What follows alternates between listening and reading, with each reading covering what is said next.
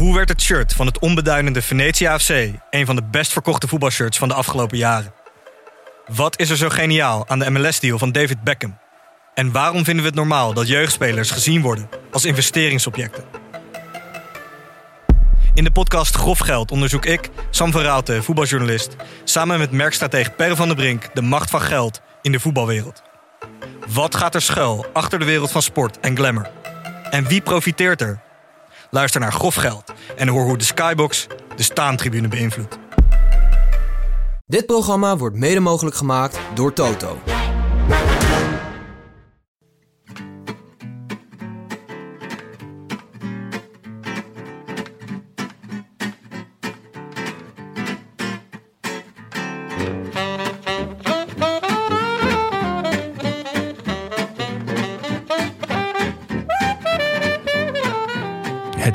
Zondagavond 20 september en live vanuit de Dag en Nacht Studio's in Amsterdam-West is dit de Rode Lantaarn. De wielerpodcast van Het is Koers.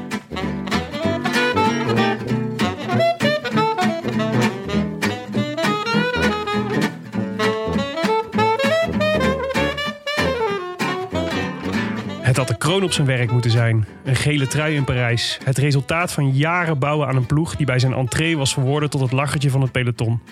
Maar daar zat hij dan, Marijn Zeeman. Op een campingstoeltje naast een Franse N-weg. Pak je voorgesmeerde boterham in de gele jumbo-tas. En de Eurosport player op de telefoon. En in 55 minuten en 55 seconden ging alles, alles, alles in rook op. We waren stil, euforisch, in diepe rouw en vol medelijden tegelijkertijd. Bovenal misschien vol bewondering. Want wat een buitenaardse tijdrit. Wat een koers schocht me. Wat een durf om het hele keukenkabinet richting de Planche de Belleville te gooien. En daarmee drie killer bees, waaronder de gedoodverfde winnaar, totaal te vermorzelen. Een toereinde dat een eigen zaal in het Louvre verdient. Ergens tussen de stervende slaaf van Michelangelo en de Venus van Milo van Carl Frederik Hagen. Geen gratis croissantjes bij de Jumbo morgen. Wel een extra koekje bij de koffie aan boord bij Emirates. De 107e ronde van Frankrijk kleurde geel-zwart. Behalve op de dag dat het er echt om ging. Diepe buiging, hoed af en een corona-elleboogje. Voor Tadej Pogacar.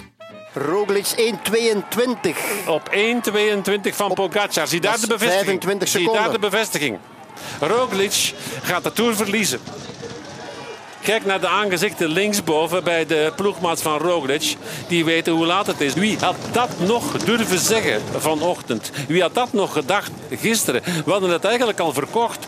De zege in de Ronde van Frankrijk die is voor Jumbo-Visma. Eh, Daar staat geen maat op. Er is niks aan te doen. Wel, als je je moment weet te kiezen, dan doe je dat als enkeling. Dan doe je dat in een fantastisch gereden tijdrit. In het vlakke, in het oplopende en bergop. Hier is Pogacar.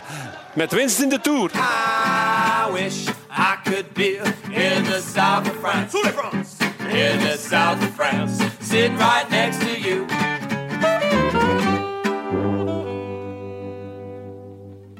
Jongens, wat een emoties dit weekend. Hebben jullie nog een beetje energie of zijn jullie gebroken? Nou, ik heb even een lekker koersdutje gedaan. En dat heeft wel, eh, nu gaat het wel weer goed met mij. Ja, vandaag kon dat wel, maar gisteren niet. Nee, gisteren was eh, Ik vond het, wel, vond het wel een heftige belevenis hoor. Moet ik zeggen. Ik was even bang dat jij eh, niet aan het kijken was. Want eh, normaal, eh, wij whatsappen de hele tijd tijdens zo'n koers. Ja. En je was er niet. Dus ik op een gegeven moment bezorgd en willen whatsappen. Eh, je hebt toch wel door dat de Tour op tv is? Nou, mijn, eh, ik, ik was op Texel. Voor Ah. weekend. Het was, was heerlijk. Lekker zonnig. Heerlijk, je ziet er ook helemaal uitgewaaid uit. Ja, ja, ja, zeker. Dat, zo voelde het ook echt. Maar ik zat op een terras eh, van, eh, bij Paal 12. Bekend, eh, bekend Tessels terras zat ik aan het strand. En, eh, en eh, ik, ik dacht, ik, ga de, ik moet de updates volgen in ieder geval. En ik dacht, nou, hoe spannend kan het nou nog worden?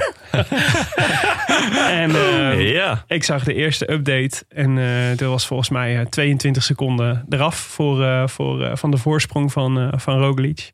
En toen heb ik toch maar geprobeerd om, om verbinding te maken met de Eurosport Player. Maar mijn telefoon was leeg, dus ik moest hem eerst installeren op die van, van mijn vriendin. Oh. Oh, en toen eh, allemaal. Maar het, het grappige was hoe, hoe, hoe triest het eigenlijk was dat ik daar zo een beetje zat te kloten met die techniek. Het, het it all added to the drama. Want ik was, ik kreeg daardoor zeg maar fragmenten van de, van de koers mee, gewoon live om te kijken. En updates op wielerflits en updates op de NOS. En zo probeer je dan langzaam zo bij elkaar te puzzelen wat er allemaal, wat er allemaal aan het gebeuren Ja. is. Maar ja, ook daarin. Kon je niet ergens aankloppen? je zag Hallo, het, je ik ben het- Willem van de Roland Taarn. Ja, Ik wil graag hier koers kijken. nou, ik moet zeggen, ik heb dus een rondje gelopen op het, op het, eh, over het terras. Want ik dacht, ja, dan moet, ik zal toch niet verdorie hier de enige zijn die deze koers wil zien. Ja, nee. Binnen was er sowieso geen tv te vinden. Maar er was niemand, niemand was daarmee bezig. Dus ik wil op een gegeven moment dacht ik, zal ik het schreeuwen gewoon. Weten jullie wel wat er gebeurt? Allemaal mensen met kleurloze levens, zou Tim GB zeggen. Ja, ja, precies. En jullie dan, jongens? Ja, maar dit is zo'n moment, dat gaan we gewoon nooit meer vergeten. Waar je was op dit moment. Ja, ik zat gewoon op de bank in Amsterdam, zoals jullie van me gewend zijn.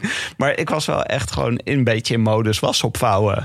Dingetjes opruimen in huis. Beetje tijdrit op de achtergrond. En toen, ik weet wel dat ik, ik heb echt de beslissing genomen. Dacht ik, ja, dat laatste stuk van de tijdrit ga ik gewoon telefoon weg, computer weg. Ik ga gewoon lekker tijdrit kijken. Even geen eh, dingen, maar ik, ik heb na één minuut de telefoon en de, en de computer maar weer bijgepakt. Want Ja. ik dacht, ik moet dit, ik kan dit niet in mijn eentje verwerken. Ja, ik, ik, Want jij eh, was er wel, hè, Jonne? Wij kon wel gewoon gelukkig met jou praten. Ik was er wel, zeker. Ik, ik was zelfs bij eh eh, Wielencafé Het Verzetje. Dus ik zat in de clubhouse. Oh ja, Eh, met in, eh, op het marineterrein in Ja, met gewoon heel veel andere liefhebbers. En ehm, Hoe was de sfeer daar? Nou ja, aanvank- aanvankelijk heel ontspannen. En eh, iedereen lekker aan het bier. En ja, Jumbo chips. Jumbo chips. Echt gewoon iedereen in het geel-zwart. Eh, nee, ja, heel ontspannen allemaal. En nou, toen ehm, kwam de tijdrit van, van Roglic. En toen, werd er nog even afgeteld door wat mensen. En van, ah, ja, nu gaat het wel gebeuren. En ja, toen bleek dat, dat ja, Poggi toch wel vrij rap ging. En dat Roglic, nou ja, een stuk langzamer ging. En langzaam kwam en daalde ineens zo bij een hele hoop mensen, inclusief mezelf. Van, poeh, Maar wat, werd het helemaal stil? Of begon iedereen juist te klappen en te joelen? Eh, een beetje van beide. Het werd gewoon een stuk chi- eh, ch- chiller, stiller. Eh, op een paar mensen na die riepen... Roglic, harder fietsen! Wat op zich een heel goed advies Heel goed advies. Ja, dat heel had goed iemand advies. misschien van de ploegleiding tegen moeten Ja. zeggen. Ja, maar dat was Marijn sterk. dat- dat- en die, eh, die mocht, niet meer, die mocht niks Ah. meer zeggen. Dat veel problemen opgelost. Ja. Dus nee, ja, en ehm, die, die tijdswaarneming... Nee, wacht. Ho, ho. We, we- we Ja. gaan hier zo uitgebreid over praten. Dus eh, we dat ja, ik, dat ik zat daar. Het mooie is dat die... Ik- ja, sorry. Nou, ik, wa- wat ik wel fijn vond aan, eh, aan, aan dit... eh, Er kwam echt spanning op te staan. Ja. En spanning brengt natuurlijk eh, je, je emoties op, op, het, op, een, ja, op een scherps van de snede. En toen merkte ik wel van... Goh, ik wil toch wel heel graag dat Roglic deze tijdrit wint. en, of in ieder geval deze Tour wint. Ja. En toen het langzaam omsloeg, toen was het wel echt van... Dit ga je toch niet menen? We, gaan, we, gaan hier gewoon die, we gaan hier gewoon de Tour verliezen. Ja. En toen werd het, dat, dat daalde bij iedereen een beetje in. En toen was het wel echt van, wow, wat gebeurt hier? Toegegeven, ik had ook wel heel snel heel veel respect en ja, toch ook, ook een bepaald enthousiasme van hey, eh, wat, wat, wat is deze jonge gast uit Slovenië hier aan het doen? En wat, wat, wat heeft hij gedaan? Wat, wat, Ja. wat waanzinnig knap. Even, even, ik ga hem nog heel even in. Want eh, we gaan zo meteen gaan we Ja. natuurlijk uitgebreid hebben over wat hier gebeurd is. Eh, we hebben nog een paar eh, ditjes en datjes. Ja, ik had er nog eentje. De Ronde van Luxemburg is ook bezig op het moment. Ja, en dat is dus ja, nee, maar is ook belangrijk. Prachtige koers. Prachtige koers. Ja, Ja. dat is echt heel leuk, want je mag daar dus ehm, met vrijwel elk voertuig mag je daar meedoen. dus er rijdt een peloton aan fietsen. Maar als je met een tractor eh, het parcours wil of met een vrachtwagen, dat mag dan, gewoon. Dat kan gewoon. Hoef je ook niet tegen de organisatie eh, te Tim zeggen. de Klerk zat, er, zat erin, hè? Ja, zeker, ja. ja. Nee, maar hoef je dus niet tegen de organisatie te zeggen. Je kan gewoon het parcours oprijden, willekeurig welke kant op, en dan eh, kijken waar het schip strandt. Dat was een beetje. Ja. Ja, ik Ja. vind het jammer dat er weer een, eh, weer een element uit de verrassingskoers eh, wordt, eh, wordt, wordt overgenomen door zo'n organisatie. Ja, je ziet toch dat die jongens eh, die, die denken van, oh, dat is ook een goed idee. Ja. Dat de Roland Taan komt echt met veel goede ideeën. Dit pakken we, dit pakken we gewoon mee. Ja, ik vond het ook wel origineel. Ik Maar dacht, echt gênant, want de dag ervoor hebben ze gewoon gestaakt. Hè? Omdat het eh, de dagen ervoor Ja. zo onveilig was, heeft het peloton gewoon gestaakt. Van oké, we, we neutraliseren zelf deze koers, want de afgelopen dagen was echt dramatisch.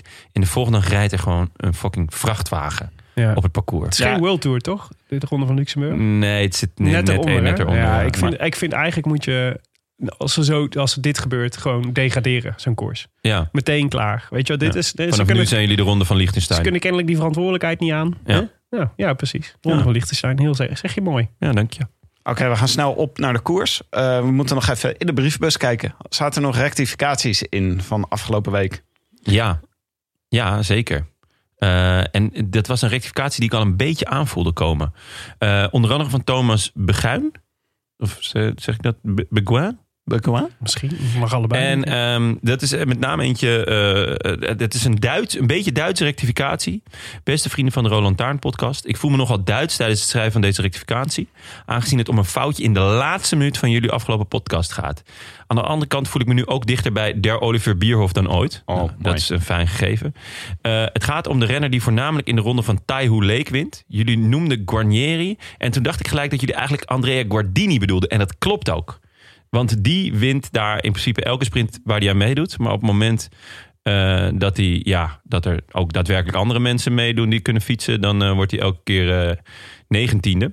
Maar hij dacht zelfs nog dat we het over Jakub Maresco hadden. Mhm. Die, wat, wat natuurlijk ook een schitterende Italiaanse C-sprinter is. Maar het was dus je, ja, Guar- Guardini.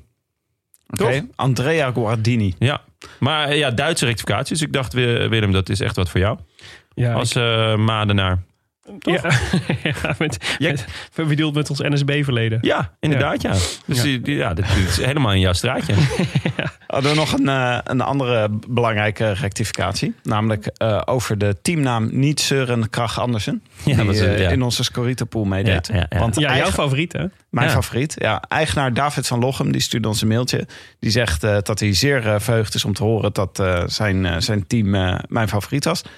Thuis leidde dit tot, tijdens het luisteren van de podcast echter tot een klein drama. De eerlijkheid gebiedt namelijk te zeggen dat niet ik, maar mijn vriendin, tevens trouw luisteraar en groot fan, met name van Jonne, maar inmiddels van Tim. Ja, zo gaat het altijd, hè? Zo gaat het altijd. Onbegrijpelijk, maar dan heeft ze waarschijnlijk niet naar de avondetap gekeken. Nee, nee, dat denk ik ook. Nou, dat raad ik er dan nog even aan. Eh, maar zijn vriendin is dus de bedenker van deze naam.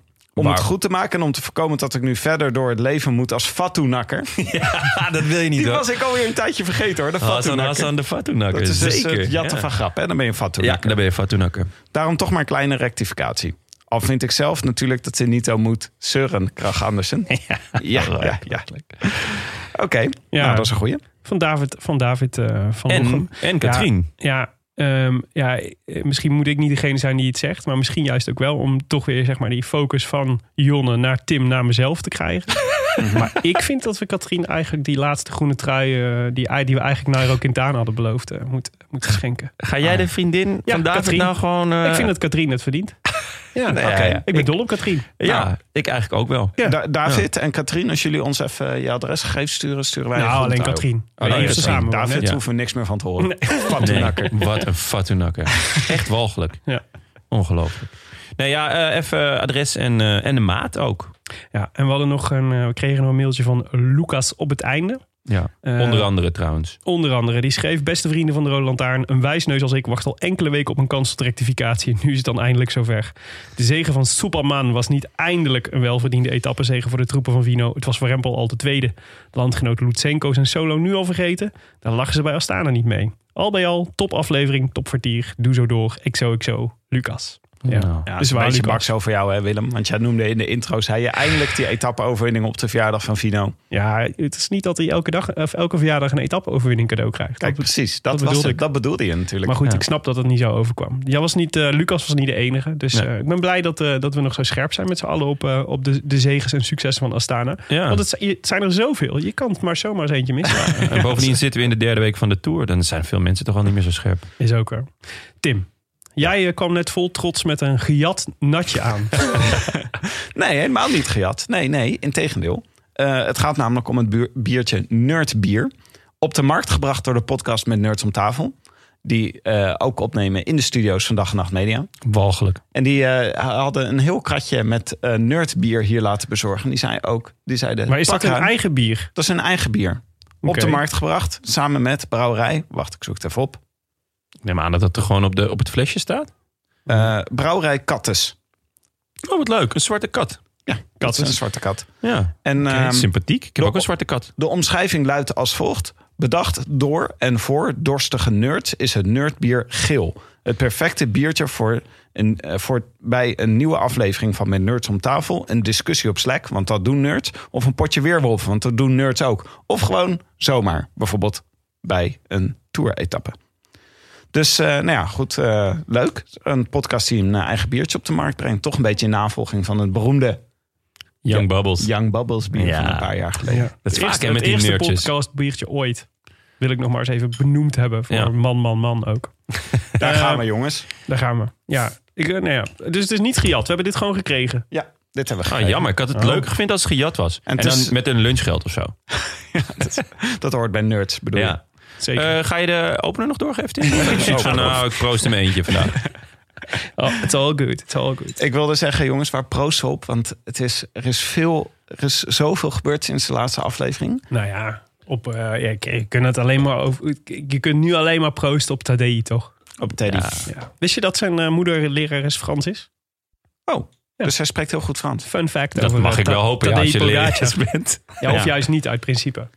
Nou ja, mijn eh, ouders waren allebei leraar, eh, docenten geschiedenis. En ik had eh, mijn enige onvoldoende op mijn eindexamen was geschiedenis. Wow, Kan gewoon gebeuren. Wow. Zeg En maar, de kinderen onterfd. van de tandarts hebben de slechtste tanden. dat is wel waar. Dus, Dus- eh, we, moeten het, we moeten het testen, Tadej, hoe zijn Frans is. Maar ik denk goed. Het is zo'n wonderkind. Ja. Goed. Ehm, nee, op Tadej toch? Jongens, en op een, op een Santé? schitterend, Op einde, schitterend einde van een tour. Want zo maken we hetzelfde mee natuurlijk. Cheers. Oké, we Nou, gaan laten we terug toch maar naar het even- moment suprem. Ja, laten we toch nog maar even terugblikken op die tijdrit. Ik bedoel, vandaag kunnen we redelijk schriftelijk afdoen natuurlijk. Sam Ja. Bennett, die, eh, die eh, een prachtige zege haalt. Ja, wat, vallen, wat, moet- wat, wat valt er nou nog meer te zeggen over zo'n... Nou, Slotetappe. twee, twee kleine dingetjes die me opvielen. Eh Ewan, zevende, achtste. Mhm. Gek, toch? Matig bedoel je? Ja, matig. Snel, snelste man. Ja, Eh, en dan toch, ja, ik neem aan dat hij al die bergjes over is gegaan voor deze rit. En dan word je zevende, achtste. Dus dat Ja. vond ik opvallend. En ehm, ja, Mats Pedersen. In de wereldkampioentrui. Tweede. Tegen de groene trui. Wordt hij tweede. Ja, Eerste etappe wordt hij ook al tweede. ster- eh, En dan sterker vraag je je toch af wat, eh, waarom Trek eh, die sprintersloterij heeft gedaan het hele, Ja. de hele tour. Ja, de sprintersloterij bedoel je dat het lijkt alsof Trek elke dag met iemand anders meesprint. Jasper, Nou, dat was zo. Jasper Stuyven, Edward Teuns. En, eh en Mats Pedersen die moesten elke dag een nummertje trekken. Ja. En ja, eh, zuur genoeg voor de fans van Trek eh, was Mats eh, niet eh, elke keer het goede nummertje. Mag ik nog een enorme tegenvaller noemen? Ehm, ja. Kees Bol, 18e. Oeh. Achttiende. Ja. het, ik denk dat hij ehm, het zwaar heeft gehad hoor. Afgelopen Denk ik ook, week. denk ik ook. Maar ehm, niet, de, trein, de trein leek er echt helemaal nergens op deze keer. Nee, Het was, klopt. ehm, en je zag het eigenlijk van, voor, van hij kwam heel snel in de wasmachine terecht. en, wasmachine, eh, mooi. En, en, en het valt me toch op, hij heeft het daar moeilijk in die wasmachine. Er zijn renners die daar, eh, nou ja, Sagan is natuurlijk het ultieme voorbeeld van iemand die uit zich uitstekend eh, Ja, weet te gedragen en in de wasmachine. En Ewan ook. Maar Kees Bol kan dat nog niet zo goed, joh. Hij laat zich zo vaak wegzetten door andere, door andere renners. Ja. Voortdurend is hij het treintje kwijt. Ja, maar ja, de- dat is ook een bepaald type sprinter hè. Ja. Hij, eh, ja, hij is toch gewoon meer van de treintjes. Maar mooie tour gehad. Misschien even mooie tour. geduld En, hebben. Ja, nou, dat zeker. Ja. En eh, Laten, dit, laten we de Groenewegen fout niet meer maken. Nee, Nee, inderdaad. We kunnen ons hier niet meer aan branden dat hij dan volgend jaar ineens de beste sprinter in de wereld is. Oh, jullie hebben dat echt, eh, jullie hebben Groenewegen kapot gemaakt eh, ooit? Ja, zeker. Ach, ach, ach, jongens, De eerste jongens, tour jongens. dat hij meedeed, toen hebben we kostelijk om Groenewegen gelachen. Die de hele tijd net ernaast zat, weet je wel. Net op het verkeerde moment zich Ah. in liet sluiten. En, eh, We hebben ook ru- ruiterlijk het boetekleed voor aangetrokken. Zagen jullie hem zitten vandaag Bij Ajax. bij Ajax? Is zag zijn, hem oog, zitten. zijn ogen s- straalden nog niet uit eh, Nee. dat, hij, eh, dat hij weer vrolijk was. geen joie de vivre. Weinig. Nee. En Nee. eh, over Jacobsen was toch weer positief nieuws te melden. Ja, volgens mij gaat hij gewoon koers volgend jaar. Ja, Is dat de planning? nog steeds maar één tand. Dat Ja? wel. Dat leek, leek me minder nieuws. Maar goed, dat lijkt me, Dat is nog erger dan de kinderen van de tandarts. dat lijkt me te fixen. Hij heeft maar één tand. Ja, dat Gewoon echt dat- maar, letterlijk maar één? Of Nou ja, dat, dat, zo, zo begreep ik het in ieder geval. Ja, dat heb ik ook eh, gehoord. Ja. ja. En alle anderen zijn gewoon uit zijn mond gevallen. En eh, dus ja, ja, ja zo'n klap was het. En dat gebeurt dan. Dus, maar ja, goed, daar- dat is, je kunt eh, met protheses natuurlijk eh, alles. Dus dat is fijn voor hem. Maar, eh, ja, maar de- het goede nieuws was dat, hij, dat, ze, dat Ja. de goede hoop was dat hij in januari weer, eh, weer eh, kon eh, gaan koersen. Ongelooflijk. Echt. Ja. Wonderbaarlijk. En je moet maar afwachten wat voor niveau en hoe dat gaat. En hoe dat, nou ja, eh, al dat soort dingen. Maar het is een hoopvol bericht. Ja, zeker. Ik vond het wel weer leuk voor Sam Bennett dat hij vandaag won. Ik vind dat toch wel een leuke ier. Sympathieke renner, hè? Ja, Ja. dat is gewoon een leuke Ja. ier. Dat is Ja. gewoon... eh, Ik vond het zo mooi dat eh, toch, toch die, die tranen na zijn eerste rit Ja, waren ja. toch wel echt schitterend Iers drama. een van de mooiste momenten van de Tour, zou ik willen zeggen. Vond ik Ja. echt heel leuk. Echte waterlanders waren dat. Ja, ja, zeker. Het waren- waren geen kleine druppels. Het was Ierse regen was het. Dus de hoosbui. Een Ierse hoosbui op tv. Oké, laten De we teruggaan naar gisteren. Ja, even eh, terug ook dat gevoel. Weer, even weer, de- weer dat, niet, niet aanvoelen, maar invoelen. Invoelen. De verwachtingen vooraf. Ik bedoel, Ja. de, het was toch gewoon... Roglic ging hem pakken gisteren, de tijdrit. Daar rekenen we een beetje op. Misschien, Nou, weet je wel, Ja, de Moulin. ja de, nou, volgens mij waren de, niet de drie favorieten voor, deze, voor de, win, de, de dagwinst waren Roglic, Van Aert en Dumoulin. Ja. en ehm, eh, ja, en ehm, eh, nou, volgens mij was het was de verwachting. Roglic gaat hier, eh, gaat hier zonder heel veel moeite zijn gele trui verdedigen. Eh, het waren natuurlijk, eh, we wisten natuurlijk eh, bij van het Sloveens kampioenschap dat Pocky ook aardig een tijdrit kon rijden. Eh, en daar Roglic had verslagen. Maar Eh, dat was maar- 15 kilometer Maar of zo. 57, 57 seconden. Dat, Ja. eh, dat, daarvan zou je zeggen, is kat in bakkie. Ja, op het Sloveens kampioenschap was dus een veel kortere tijdrit. Daar pakte hij ook maar een paar seconden. Nee, won hij net van, eh van Roglic. Ja. En daar had Dus- Roglic niet een eh, fietswissel gedaan, bijvoorbeeld. Weet je, dus er waren allerlei dingen. Maar je, er was geen reden om aan te nemen dat dit nog heel erg mis zou gaan. Roglic had nog niet echt tekenen gegeven van zwakte. Sterker nog, die had, ik had juist het gevoel dat hij, eh, dat hij een, aan een lekkere derde week bezig was. Misschien wel een sterkere derde week dan, dan Pogacar. Ehm, dus dat was een beetje met het gevoel waarmee we eigenlijk met een beetje een gerust hart toch wel die tijdrit in. Ik dacht, ik ga Ik lekker heb- op het terras zitten van paal 12. Ik laat me lekker updaten. Dat je net paal 12 hebben. Jij zit met zo'n paal 12. eh, hè? Iemand moest er maken. En ik weet, we weten allemaal hij- dat Tim het niet gaat doen. Hij hing in de lucht. De gentleman die die is. Ja, hij hing in de lucht en ik had ook echt moeite mee om verder te gaan. Ja, daarom, maar, ja, het is fijn maar dat jij kan dit soort grappen nooit hard maken. Dus ik dacht, gooi hem er gewoon in. Maar eh, we hebben dus een hele tijd, gisteren hebben we Remy Cavagna op de hot seat zien zitten. Dat is een echte hardrijder, een ontzettende spierbundel van een renner. We hebben een heel, in de appgroep een heel leuke ehm, emoticon voor eh Cavagna. Wat dan? Beetje dat, eh, dat, dat sloffende mannetje die zo'n beetje zo met zijn, zijn schouders naar beneden loopt. Hoezo? Omdat hij Remy is. Oh, zielig. Ja. ja. Dus altijd als hij, als hij het weer goed doet, op de wereld. dan, dan komt, komt, die, komt, komt dat sloffende mannetje voorbij. Ja, maar het is wel een leuke renner. Hij, kan, Zeker, hij is echt ja. eh, ontzettend, eh, kan ontzettend hard koersen. Ja. Ja. En dit is toch, eh, ik vond dat hij dat wel goed had gedaan hoor. Voor zo'n berg ook. eh, Outsider voor het WK hoor. Ja. Voor het WK Zeker. tijdrijden. Ja, want het WK tijdrijden gaat niet over die heuveltjes heen. Hè? Nee, dus het is Het vrij is eh, vlak. eh, vlak, lichtgolvend. Maar eh, ja, zeker. ja, goeie. Lange tijd in de hot seat. Ja. Toen eh, Wout van Aert. Ja, die, de, die deed... Ergens rond de 24e plek stond hij gisteren nog, volgens mij. Wout?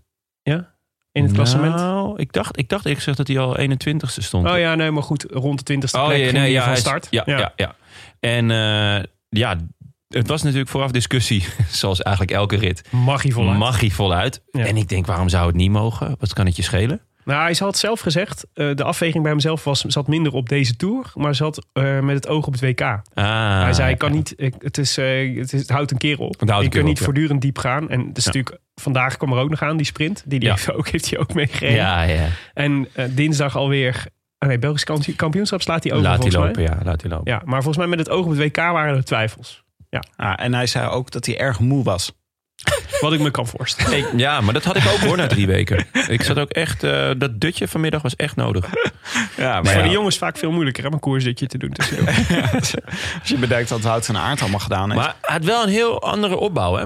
Was wel echt leuk om te zien. Want Cavagna was gewoon eh ogen op dicht en rammen. ja. En eh, Van Aert had, had een, ja, die begon veel rustiger. Volgens mij het eerste tussen, tussenpunt was hij een, een halve minuut, iets meer dan een halve minuut langzamer dan Mhm. Cavagna. En toen ineens bij het eh, eh, tweede of derde tussenpunt was het, ja, oh, hij is wel flink ingelopen. Oh, wow, hij gaat er overheen. Ja. En hij was ook van fiets gewisseld. En toen dacht ik, kijk, dat is nou hoopgevend. ehm, voor, ook voor de tijdrit van, eh, van Tom. Ja. Maar ook voor die van Roglic. Van oké, die hebben duidelijk gedacht... we beginnen wat rustiger en daarna rammen we op die klim. ja, precies. D- dacht ik dat, dat dat een beetje het, het idee zou zijn. Ja, het leek me ook een hele slimme manier om, eh, om zo van aard ook in te zetten. Ja, Toch? Ook, ja. een, ook een beetje, je wil ook een beetje verkennen voor Roglic. Zeker, ja, ja. Ja, ja, ja. echt een mooie eh, generale repetitie. Maar het was, ehm, Wout van Aert hij had het heel professioneel had hij het, eh, had hij het, had hij het opgebouwd en ingericht. Ik vind dat Wout van Aert altijd gewoon... Die ziet er altijd totaal in controle uit. Dus deze hele tijdrit voelde een beetje zenuwachtig. Eh, het was op dit moment in de koers met de, eh, met de kennis achteraf, weet je wel. Ik, eigenlijk ging mijn, eh, mijn, mijn, mijn hart was een soort rechte lijn. En nu kreeg ik een klein, weet je wel, sprongetje omdat ik Wout van Aert in beeld zag. En nog geen idee wat er vervolgens aan zag komen. Je voelde een kleine paal 12. Ik voelde een klein. Een klein toen, ja, toen zagen we voor het eerst een, de, de hele rare helmen die eh, Jumbo-Visma me had meegenomen. Speciaal voor deze Ja. tijdrit. Wat moeten we daar nou Het zag er echt raar uit. Het zag, bij iedereen zag er oncomfortabel uit, die helmen. Die laserhelmen. Waren ze de, het vizier vergeten? Het, eh, een soort bril of zo Ja. die je daarvoor op moet doen. Ja, zo zag het er een beetje uit. Zo zag het er ten eerste uit. En ten tweede... Nee, die hadden ze alleen op het, ehm, op het vlakke hadden ze het vizier op. Dus Ah, Tom deed het vizier ook af. Eh, toen hij aan de klim begon. Ja, want dat, dat was dus de... de Ja, die gooide die zo weg. Die Ja. gooide, de- in beeld maar was mooi. daarmee kreeg die, herm, die helm in één keer een soort van... De, de, die van Roglic zat natuurlijk het raarst. Dat was alsof, alsof hij anderhalve maat te klein was. Zo zie ik altijd uit als ik ga skiën. Ja. Die, die skihelmen passen mij nooit. Maar En ik herkende me echt, ik herkende mezelf in Roglic. Ik dacht, ja, ik, ik snap het helemaal. Zo zit ik ook wel eens Maar- met mijn helm op. Maar even jongens, dit is dus dit is een ploeg die dus eh, ongeveer de helft van het jaar in de windtunnel test. Eh, en dus op de belangrijkste tijdrit van de belangrijkste wedstrijd, eh, op het belangrijkste moment in de geschiedenis van de ploeg, eindigt met een helm die anderhalve maat te klein is. Ja, ik, ik weet niet. Hoe kan dit? Wat Dat zou dan voor het eerst, hè? Ja, maar hij is wel getest. Hij is uitgebreid getest in de Ja, door iemand met een klein hoofd. Ja, dat is dus heel raar. Ik snap er ook gewoon. Dat is echt- toch absurd? Het is zo raar om vandaag voor het eerst met iets, of, of gisteren voor het eerst met iets van start te gaan. Wat je gewoon alleen nog maar inderdaad in, in, in een windtunnel hebt getest. En het klinkt, eh, ik bedoel, het klinkt dan als een detail, hè? En dat is het, eh, dat- misschien is het dat ook wel, maar de, die, die hoogleraar fysica die dan die, eh, die windtunneltesten doet, die zegt gewoon bij Wielerflits, ik zat er naar te kijken, ik denk dit kost je 30 seconden, deze helm. Ja. en dat is degene op wie ze het hele, het hele pak hebben gebaseerd. Op wie ze de hele houd, tijdrithouding hebben gebaseerd. Waar, Dumoulin, waar ze een afgietsel van Roglic en Dumoulin hebben om alle nieuwe dingen in, te eh, in de windtunnel te testen. Ja, Ja. maar het is ook een beetje. eh, het doet een beetje denken aan Bauke Mollema, die toen in de Belkin-tijd op een gegeven moment besloot. In het, ineens op een nieuwe fiets te gaan zitten tijdens die tijd waar hij nog nooit eerder op had gezeten. Nou ja, ja, ik weet niet of Mollema dat zelf besloot, maar dat, dat, die, Ja, die dat fietsen waren toen. besloten. Maar, dit, Toen maar voor dat het was eerst. een andere tijd. Ja. Dat, was, dat was de kneusjestijd van ja, dit is niet meer de kneusjestijd. Dit hoort Nee. niet. Ik ben het helemaal mee eens. Dus ik, dat is dus absurd. En ik- mijn vriendin zat er naar te kijken ook. En die zei, wat is dit amateuristisch? En toen dacht ik, nee, het is erger dan amateuristisch. Want amateurs, die rijden super gesoigneerd met, goede, met super goede helmen rond. Dit is de budget wielrenner die voor het eerst naar de Decathlon is geweest om een helm te kopen. Ja, met helm je Griezen. niet eh, bij, in, om de ronde hoep eh, bij Amsterdam heen fietsen. Want dan ben je echt het lulletje rozenwater van, eh, van de ronde hoep. Maar het is, nee, maar het is, het is, ik snap het niet. Ik, ik, ik- dit is een van de vragen waar ik het meest benieuwd naar ben. Hoe heeft dit kunnen gebeuren bij zo'n ploeg? Dat is toch... ja. Ik bedoel, dit is UAE Emirates dat eh, binnen de laatste week van de Tour van vorig jaar bij de Total langs moest om voorgesneden boterhammen te kopen. Omdat ze zelf geen, geen lunchpakketjes voor de renners meer hadden. Ja, wat dat betreft is de, eh, ja, so much voor de Jumbo Food Coach app. Maar het was, het was eh, bij Wout van Aert zag er wel een stuk minder raar uit dan bij Ja. Roglic, vond ik. Ja. En ik vond Dumoulin ook gewoon weer ouderwets schitterend op zijn fiets zitten. Ja. Dus dat zag er echt wel Hij zei zelf ook dat hij een fantastische tijdrit reed. hè? Klopt. Dumoulin. Ja, Ja. WK-waarde. Hij was heel tevreden, zei hij. Alleen eh, hij was euforisch, zei hij, tot het moment dat hij de tussentijden van Pogacar zag. En, eh, en dacht, wat, gebeur, wat, wat gebeurt hier? Ja, maar Dumoulin die had, eh, het zag er eigenlijk best wel raar uit. Want die wisselde dus niet van fiets. En Ja, die bleef wat, gewoon ehm, op vonden in zijn beugel op bleef hij zitten. Dus zag, ik had nog nooit zoiets gezien met zo'n heel licht verzet. Op een hele stel stuk zat hij gewoon in tijd, tijdrithouding zat hij op zijn tijdritfiets. Ja. Ja, ik, ik, toen hij het deed, toen vond ik het nog niet eens zo gek. Want Tom is natuurlijk een heel steady klimmer. Mhm. ehm, die ook niet per se heel veel gaat staan. Hij houdt toch gewoon wel veel eh, gewoon zittend kracht uit zijn benen. Heel stil zitten. Dus toen hij het deed, toen dacht ik, nou oké, dat, dat, Kan. dat snap ik. Ja. Eh, maar achteraf gezien wel een ongelukkige keus, toch?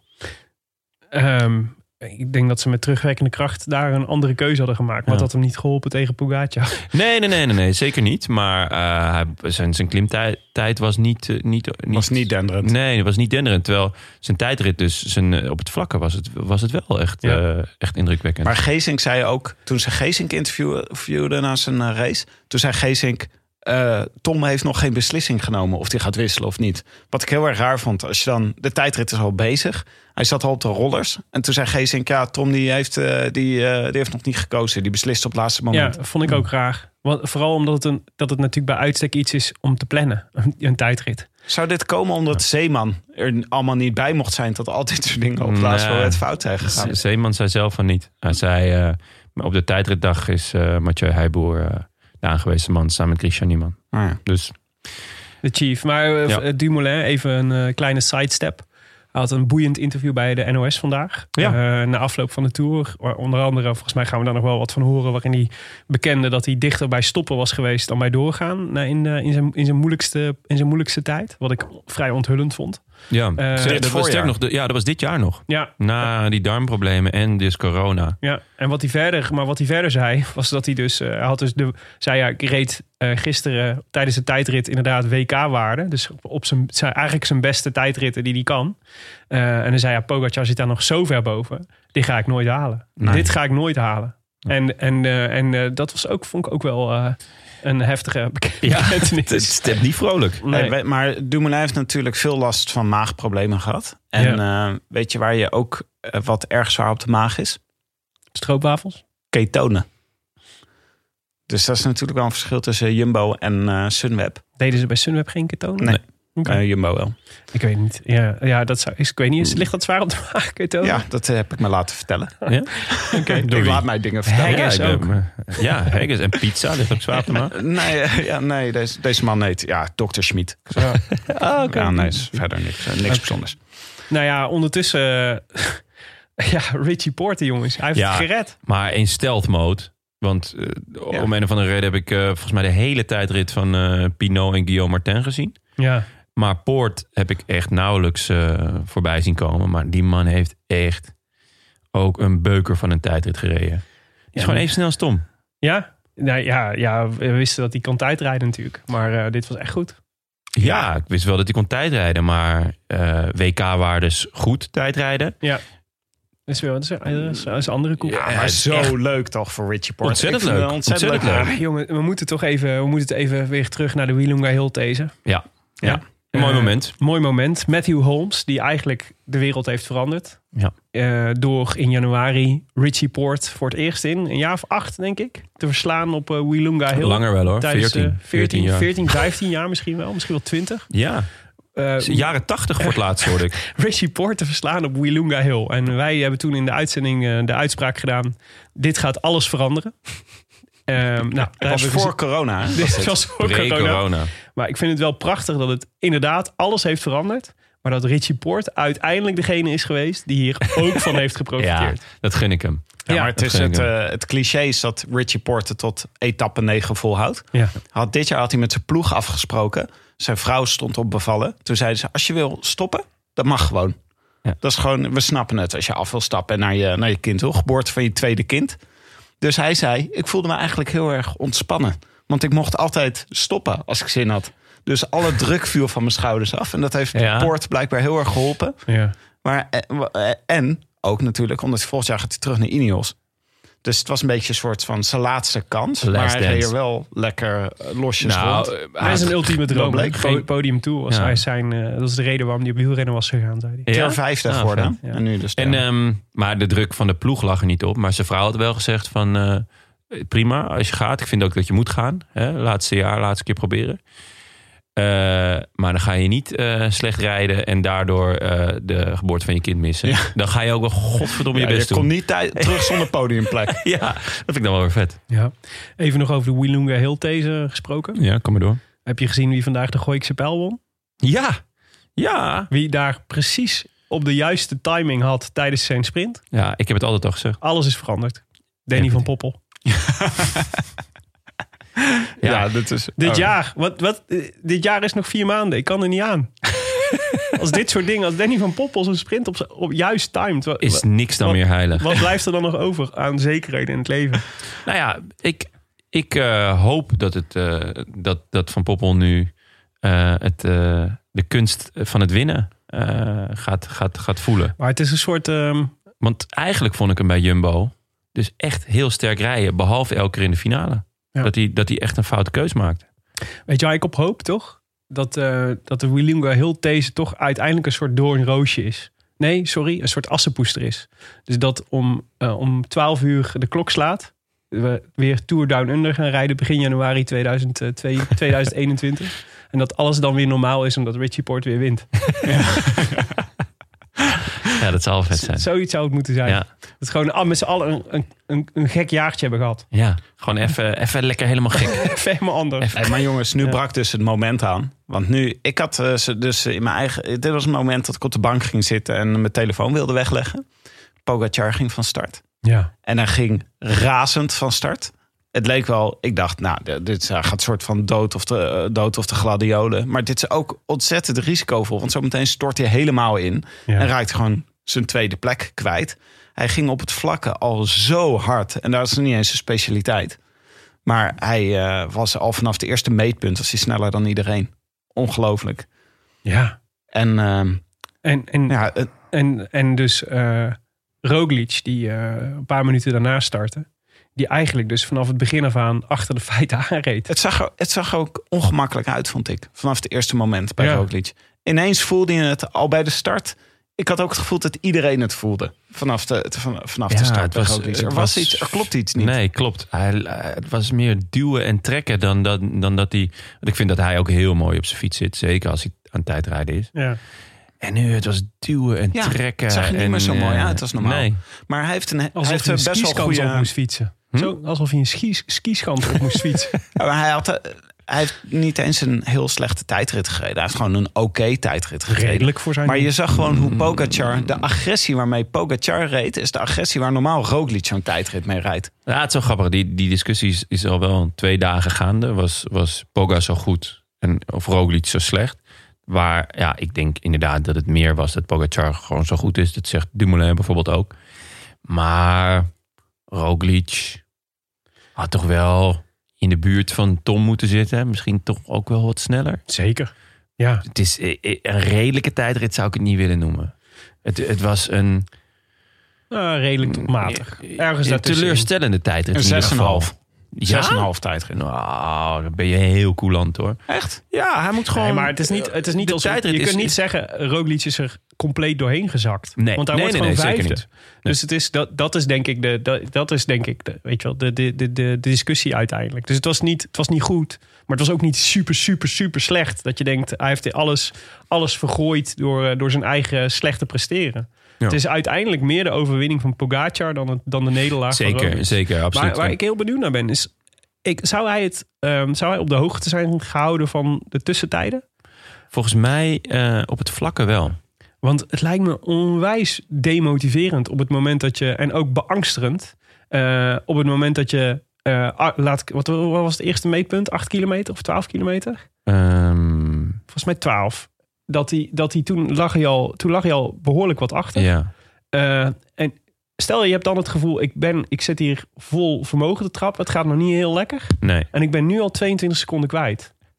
Ja, nee, eh, ondertussen is Tim eh, een soort van... Dan kop je, Verstoppertje dan kop je aan het microfoon. Sorry, dat was een beetje een raar moment. Maar ik probeerde te kijken waar dat eerste meetpunt was. Ah, en toen zo. boog ik naar voren. En toen Ja. stootte ik met mijn koptelefoon tegen de microfoon aan.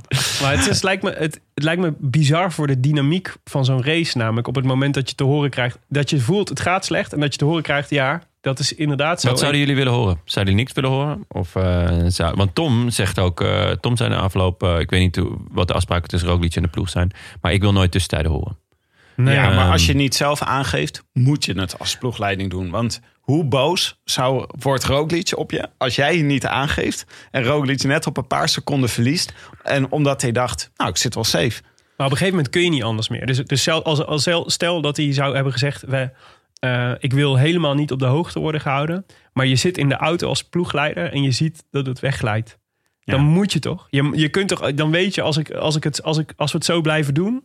dan, gaat het zo, dan gaan we het Ja. sowieso verliezen. Ja, dus je misschien moet haalt die zeggen. motivatie uit het feit dat ik nu zeg... Gast, je, ligt, je bent op koers om de gele trui te verliezen. Rij door. Ja. Pannenkoek. Maar ja, Ja, eh Pogacar, eh, die, heeft, die zegt dat hij dus het grootste gedeelte van de tijdrit niet hoorde hoe die lag. Omdat er zoveel lawaai was van de Ja. zijkant van de weg. Ja. En hij had geen wattagemeter. Ja, de, alleen reed- op de klimmen. Ja, op de klim reed Ja. hij puur op gevoel reed hij, eh, reed hij naar boven. Vet. Dus gewoon, zeg maar, dood of de gladiolen naar boven gefietst. heel vet. Ja. En dat heeft dus dat heeft voor hem blijkbaar heel goed gewerkt. Hij dacht gewoon, ik wil niet. Misschien is het dan ook, weet je wel, je wil ook niet weten van eh, ik, ik heb loop het risico dat ik mezelf opblaas. Ik ga gewoon echt tot, Ja. totdat er bloed Nou, uit dat vind oogballen komt. Ja, maar dat vind ik zo vet. Dus dat, dat, dat totale gebrek aan behoudend koersen van hem in deze rit. Weet je, dat je bereid bent om alles op te geven voor die ene kleine kans dat er, dat er zoiets gebeurt. Ja. En dat is, dat is natuurlijk waar je respect voor moet hebben. Hoeveel jongens hadden hier niet gekozen om de tweede plek te verdedigen? Weet je wel? Ja. Of, Ja. eh, of, eh, of eh, hadden, hadden, waren of niet, eens, niet eens per se bewust, maar gewoon dat je begint met de gedachte: ah, is eigenlijk wel mooi. Ik sta op het podium Zeker. van de Ja, Tour. alles- heeft deze hele Klopt. tour zoveel aangevallen en zoveel risico genomen. En eh, dat is. Mm, Ja, daar ben ik niet helemaal mee eens. Ja, maar wel, hij heeft bijna in elke, hij heeft bijna in elke bergrit heeft hij in ieder geval een aanval geprobeerd. Eh, het was Mm. heel moeilijk tegen de Jumbo's. Maar laten we zo, laten we zo even naar de, naar Maar- de, naar de totale Tour-analyse gaan. Maar nog eventjes over de, over de, de tijdrit misschien. Ja, wat er, wat er wel bijzonder was, was dat je eigenlijk op het vlakke stuk zag je, had dus 57 seconden achterstand in het algemeen klassement. Je zag het heel snel teruglopen naar een halve minuut. Ik was totaal in de war, omdat je soms de tijdrit eh, tijden kreeg en soms het virtuele klassement. Was, het was er echt weer... En dan kwam er een soort, soort visualisatietje kwam er doorheen, waardoor je helemaal op het verkeerde been werd gezet. Want dan zaten er tijden van renners ten opzichte van elkaar. Waarvan je dan ook niet helemaal wist ten Ja. opzichte van wie is het nou. Maar het, tijdens, het, vla- te- eh, tijdens het vlakke stuk reed hij tot aan een halve minuut op, eh op eh, Roglic. Dus hij stond een halve minuut nog achter toen hij aan de klim begon. Ja, dan ben ik het zelf helemaal ingewikkeld aan het maken. Nee, is- dit is de helder. En hoe, en toen- hoe lang was de etappe nu al bezig? Liep die stopwatch ook nog? Toen was hij precies 14 seconden ten opzichte van Poort. Dus een halve minuut ten opzichte van Roglic. Maar toen begon hij aan de klim. En toen werd de tijdmeting werd helemaal onduidelijk. Want toen ineens, naar mijn gevoel, stond er ineens dat hij 16 seconden voorliep op Roglic. Dus dat hij 16 seconden sneller was. Het ging heel snel. Ja. Toen dacht ik ineens, hè? Maar deze tijdmeting kan toch niet kloppen? Want dat doen ze dan met GPS.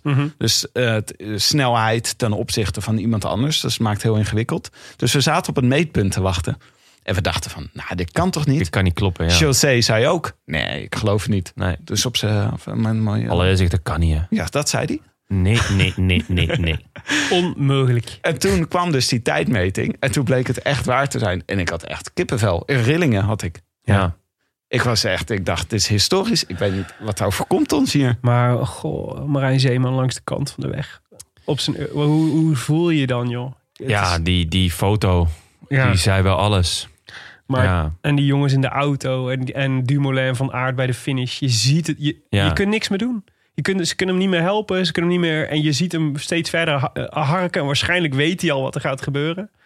En Nee, ja, die, die, ik, ik, ik ga mee in Tim zijn, eh, zijn, zijn van euforie naar totale ja. wat gebeurt hier inderdaad. Maar ja, ik was ook wel weer snel naar ja, dat ik ook gewoon het wel heel vet vond. Ja, ik, nou, ik ook. Voor, eh, laten we wel zijn. Uiteindelijk is het maar een Sloveen voor, eh, die voor een Nederlandse ploeg ja, dat, dat zat ik ook te denken. Van ja, kijk, als dit bij Tom was gebeurd, ja, dan was het echt anders geweest. Weet ik niet of we hier vanavond hadden gezeten. Dat Ja. is misschien wel gewoon ontslag genomen of zo. Eh, van hé, jongens, zoek het lekker uit. Maar ehm, ik, ik vond het heel fijn om te merken dat ik dus wel voor Jumbo ben en ook voor Roglic. Maar, eh, en dat kwam ook redelijk snel, kwam ook die discussie op gang. Kijk, wat er gebeurde, dat is iets wat we eigenlijk al acht jaar hoopten. Ja. Dus de, de Sky, Ineos Train, die gekraakt wordt door iemand die gewoon inderdaad all-in durft te gaan. Die dwars durft te, erheen durft te douwen. ja, die durft te verliezen. Die gewoon duidelijk een plan heeft van... oké, maar prima, gaan jullie lekker allemaal achter elkaar aanrijden. Ik rij achter jullie sterkste man aan.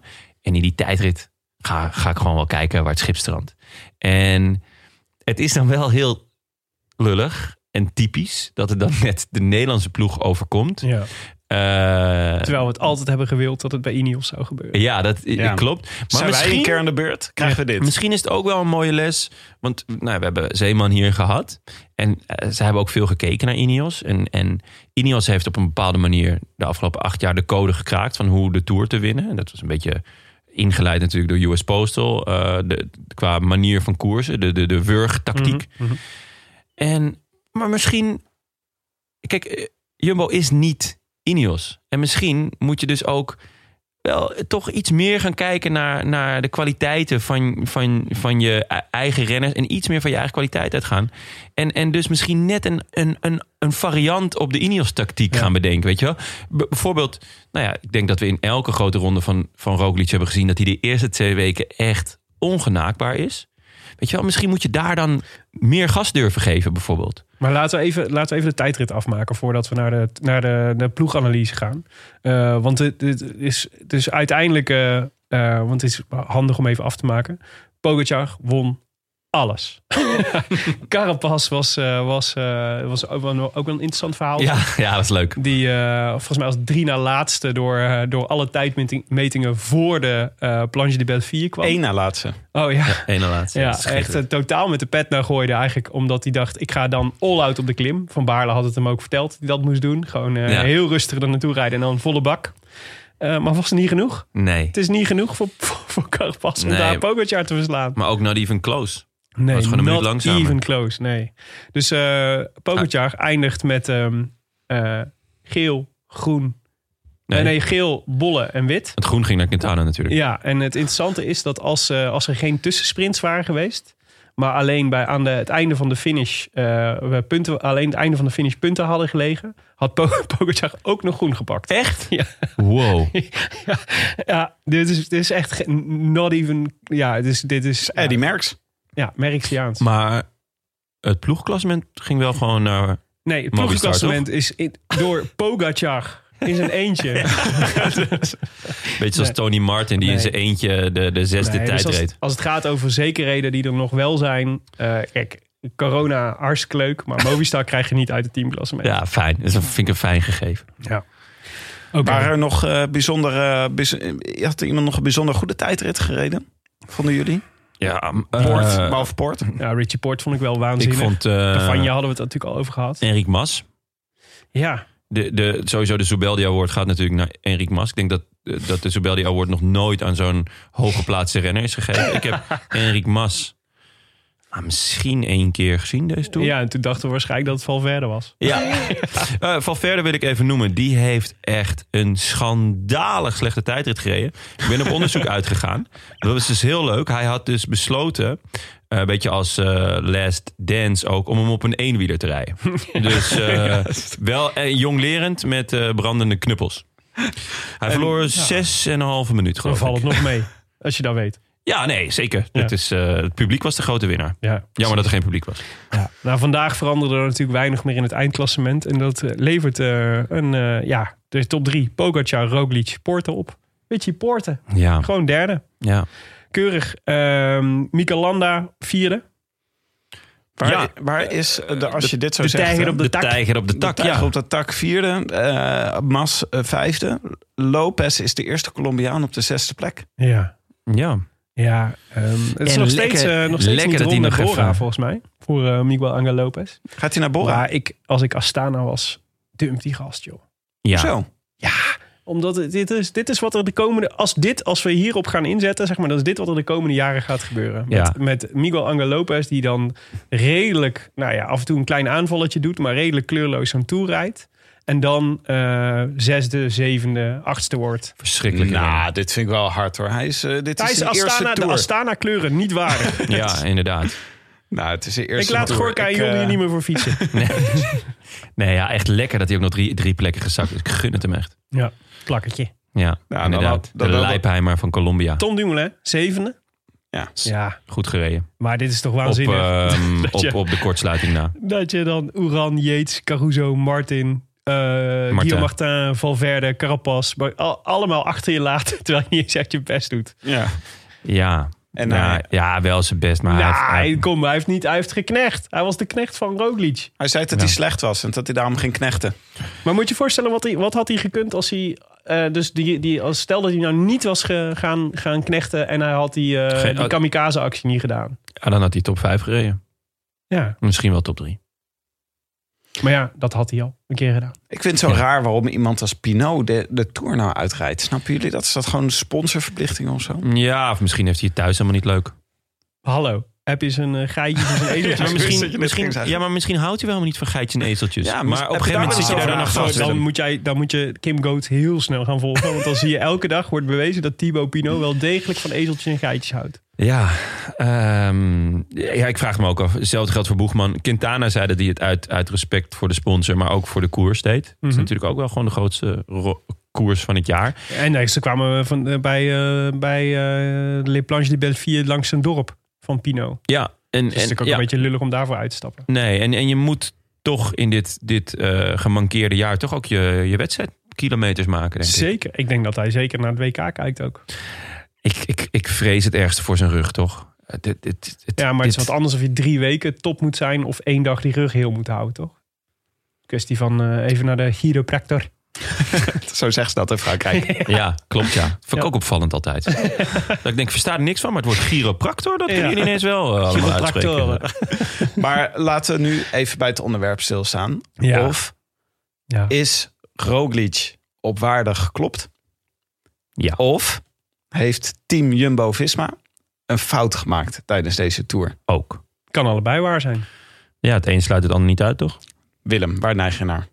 Nou, de, dat het allebei waar is. nou, kijk, ehm, volgens mij de sleutel voor deze tour ligt volgens mij, wat was het, etappe 8. de etappe dat, eh, dat eh, nee, wacht. De eerste sleutel ligt bij de waaier-etappe. Daar wordt eh Pogacar wordt op 1.21 gereden. Pogacar, moet je weten, werd door Zeeman hier bij ons. En, eh, en later hebben ze dat volgens mij nog ergens anders ook wel gezegd. Beschouwd, in ieder geval door Roglic zelf, als zijn grootste concurrent. Vond ik helemaal niet zo raar ook. Want eh, van alle renners die mogelijk zijn concurrenten zijn... heeft Pogacar met name dezelfde wapens als, eh, als Roglic. Is op dezelfde punten sterk. Dus is moeilijk te kloppen. Die hadden ze op 1.21 staan. In een van de eerste bergritten... eh, toen hij, eh, eh, liet eh, Roglic eerst, dat was de etappe dat uh, Dumoulin zijn kamikaze-actie deed, heeft Jumbo-Visma zijn hele ploeg opgebrand. En daarna liet Roglic, in plaats van dat hij zelf aanging, liet hij Pogacar rijden. Die pakte toen 40 seconden terug. Achteraf, en we zeiden dat op dat moment ook al, dus het is, je kunt wel zeggen, achteraf is het mooi wonen, maar we hebben toen ook al gezegd, dit is echt een blunder geweest, een dubbele blunder. Namelijk, Dumoulin had die kamikaze-actie niet moeten doen. Want daardoor werd het een man tegen man gevecht. Een man tegen man gevecht kun je eh, verliezen. Ja. Eh, en, eh, en het, is, het was natuurlijk echt oliedom om iemand die eigenlijk zeg maar, met, zijn, met zijn handen aan de klif hing, aan de rand van de afgrond, om die de hand te reiken en weer terug, in de, terug op de berg te helpen. Wat je moet doen en wat ik denk menig, menig toerwinnaar had gedaan, was vol op zijn vingers gaan staan en hem de afgrond in moeten flikkeren. Want Pogacar heeft daar, was vanaf dat moment, heeft Pogacar alleen maar optimaal geprofiteerd van al het werk dat team Jumbo-Visma voor hem heeft gedaan. Hij zat er constant in zijn eentje, af en toe nog Formelo, af en toe nog, eh, nee niet Formelo al niet meer, De La Cruz. De La. Cruz. Eh, heeft optimaal gepro- ge- geprofiteerd. Maar de, ja, kijk, uiteindelijk voel ik vooral meelijden met, eh, met eh, Jumbo-Visma. En, eh, en op die, in die tijdritten worden ze echt op waarde geklopt. Maar de, de original mistake ligt al wel echt veel vroeger in de Tour. Maar op dat moment, Dat is mijn theorie. op Ik dat weet- moment keken ze niet vooral naar Bernal bij Ja. eh, Jumbo. Zeker. Waren ze niet hun kruid droog aan het houden dat ze dachten... Pogacar gaat hier voor de tweede keer. We gaan nu laten maar een stukje rijden, want Bernal is er nog bij ons. Maar waarom Ah. zou je dat doen? Roglic heeft gezegd dat hij, dat hij mee kon op dat moment. Ja, Dat hij het alleen niet deed. Omdat hij dacht, nou ja... dus- Ja, nee, dat, dat is, dat, het is wel de vraag. Volgens mij, die discussie hebben wij gehad, Tim. Is het een kwestie van eh, niet kunnen of eh, niet willen? ja. Ja, ik dacht dat, inderdaad dat, hij, dat het een keus was. Dat hij dacht van, nou ja, ik, ik ga niet mee. Laat iemand anders het maar doen. Zo, zo zei hij het zelf, hè? Ehm, Ja, het was natuurlijk best een veel bewogen etappe... waarin ze eerst met z'n drieën al vooruit zaten. Dus hij met Pogacar en Ja. Quintana, dacht ik. Ehm, en toen besloot Pogga ook niet te gaan rijden. Het is, het is, dat kan je natuurlijk niet alleen bij de ploegleiding leggen. Zeker niet die kamikaze-actie van, eh, Nee. van Dumoulin. En het is ook gewoon wel nog een gebrek aan, aan ervaring. Uiteindelijk eh, is dit de derde grote ronde van eh Roglic die die rijdt voor een klassement. Ehm, nou ja, één keer derde in de Giro en eh, de Vuelta wint hij. Nou, die Giro was ook al wel een wijze les. Ik vond dat er, dat er best veel overeenkomsten zitten eh, Mhm. met die Giro. Waarin hij ook niet goed was in de derde week. Ook een heel matige tijdrit reed in de derde week. Eh, nou ja, in de Vuelta deed hij dat al een stuk beter. En hier, ja, eh, de, de, de demarrage van Pogacar... Je moet ook in een split second beslissen, ga ik mee of niet? Want ja, Ja. weg is weg. Mhm. Eh, en als je er dan achteraan moet rijden, dan rij je net zo goed in de wind. Maar het is de man waarvan je denkt, dit is mijn grootste vijand. Dit is mijn grootste concurrent. Ja, maar die stond wel op 1.21 op dat moment. En Bernal, die stond nog een stuk dichterbij. Die stond toen tweede, geloof ik. Ja. Ehm, Ja, Het kijk, risico is dat je achter Pogacar aanspringt. En dat je daarmee je energie verspilt. En dat Bernal vervolgens Ja, in je wiel maar- blijft hangen en dan gaat. Maar een kijk, naar die, kijk die etappe terug. Ze hebben, ze, ze hebben een hele ploeg opgerookt, voor, speciaal voor dat moment. eh, dat Roglic een actie zou gaan maken. Hij heeft daar geen actie gemaakt. Het enige wat hij heeft gedaan is stilzitten en, en Pogacar laten rijden. Ja. En je kunt wel zeggen over ervaring. Ja, Pogacar heeft die ervaring ook niet. Die, die, die jongen die, heeft, die rijdt zijn tweede grote ronde. En die, en die nog even, de, even eh, een ander moment waarop de- de- over de klasse van Pogacar. Het moment dat hij er afgereden werd door Kus en door eh Roglic. In, ehm, dat was de etappe van woensdag. De La Loze. Ja, Ehm, en dat hebben we volgens mij ook al benoemd in die, in, die, eh, in die podcast die we toen hebben gemaakt. De beheersing die hij had om zichzelf niet helemaal op te blazen, maar gewoon op eigen, zijn eigen tempo, zeg maar, hoge, eh, eh, in hoge cadans eh, te proberen om langzaam het gat dicht te rijden. Dat vond ik wel echt van een hele grote volwassenheid eh, getuigen. Die hem dus eigenlijk uiteindelijk, ook- nou ja, het heeft hem niet gered. Maar dat geeft wel aan dat je op split seconds ook goede beslissingen kunt nemen. En dat dat wel echt, dat is topsport. Het is topsport om op het moment dat je onder volledige superdruk staat, iedereen naar je kijkt, dat je dan het juiste doet. Dumoulin heeft dat niet gedaan, Roglic heeft dat niet gedaan. Dat zijn, en, en eh, eh, als je er nog een paar meer wil noemen, Geesink heeft dat ook een paar keer niet gedaan. Die heeft ook een paar keer echt hele domme, domme acties gedaan op kop. Ik denk zelfs dat je zou kunnen zeggen, zelfs Van Aert, zeg maar, op, op bepaalde momenten, die zo hard op kop heeft gereden, om en waar die vooral ook zijn eigen ploeg mee stuk heeft gemaakt. Dus er valt wel echt wat aan te merken op, eh, dit dit hebben we volgens mij ook al eerder gezegd. Ik vind het waanzinnig hoe ze de Jumbo-Visma-ploeg hebben opgebouwd. Het is echt een wereldploeg. Maar in koerstactiek, zeg maar, on the spot, on the moment, de juiste beslissing nemen. Daar valt echt nog een wat te winnen hoor, voor, voor Jumbo-Visma. Ja, en, maar Echt in- misschien ook vooral in, in eh, een andere tactiek. Dus wat ik net ook Ja. al zei. Van, nou ja, we hebben de Sky-tactiek. Die is eh, eh, effectief. niet zo leuk om naar te kijken, moeten we ook eerlijk in zijn. Nee. Ehm, maar is misschien ook wel niet hun tactiek. Weet je, ga. want iedereen zegt wel de hele tijd van Sky. die zou met drie man naar de tour gaan. Maar eigenlijk, ehm, zeker tot en met die tour die Thomas wint. eh, was er maar één kopman. Mhm. En dat was Froome. Ja. Sterker nog, eh, Thomas reed in het geel. En in de eh ploegentijdrit zou er niet eens op hem worden gewacht als hij lek zou rijden.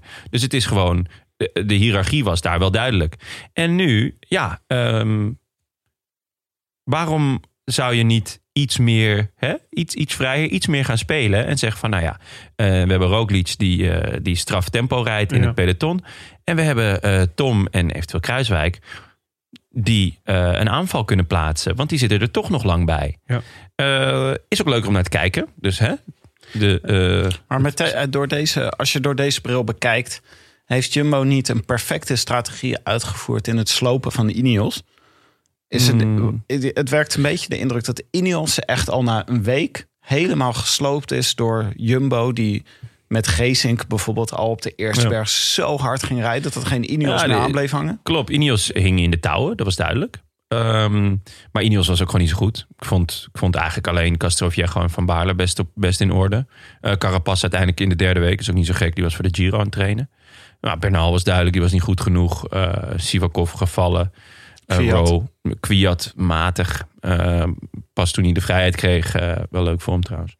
Dat hij eh, zijn eerste tourzege hier pakte. Maar ehm, even kijken, waar was ik? Oh ja, Ineos had je dan tegen de touwen. In die etappe 8, volgens mij. Mhm. Vlak voordat Tom die kamikaze-actie deed... zaten wij op de app van... eigenlijk zou Tom nu aan moeten vallen. Ja. En dat was ook een heel mooi moment geweest. Als Tom namelijk had aangevallen... had Roglic gewoon nog rustig kunnen blijven zitten. En hadden die andere jongens eh, moeten moeten, gaan rijden. ja. Dus je, je dwingt ze daarmee... eh, ja, om, om, uit, om uit hun kot te komen en, en energie te verspillen... die je dan ook zelf niet hoeft te verspillen. En weet je, als Tom dan toch niet goed genoeg was... dan wordt hij teruggehaald. En dan kan je, kan je alsnog of controleren... of, of Roglic kan gewoon zelf gaan. Maar ik, ik zou er graag één ander, andere bril naast zetten. Als je nou bekijkt wat er gebeurd is door de bril dat Roglic niet zo goed is als we van tevoren hadden gedacht tijdens deze tour. Mhm. Het is natuurlijk wel eens vaker overkomen dat hij op het verkeerde moment piekt. Nou, hij kwam nu kwam hij uit de coronastop, zeg maar, in de ronde van de N en in de, blijft leuk. Ja. De ronde van de N en de Dauphiné kwam hij supergoed. En tijdens deze tour vond ik het toch een beetje raar dat niemand kon Roglic bedreigen. Want Jumbo was echt supergoed. Het lukte bijna niemand om, om, eh, om een gaatje met ze te slaan. Maar het lukte Roglic ook niet om het af te maken. Ik heb een paar keer verbaasd zitten kijken hoe gewoon Jumbo de hele dag het werk deed in een bergetappe. En Roglic zelfs één kilometer van de finish niet ging. Dat we dan gewoon naar een sprint van de groep zaten te kijken. En die Roglic weliswaar een keer won. Ja. Maar toen dacht ik, ja, maar de tactiek is toch... Roglic gaat op een gegeven moment wegspringen als Ja. de laatste knecht weg is. ja, jij hebt vanaf eigenlijk de hele tijd volgehouden. Roglic is niet zo goed als we denken.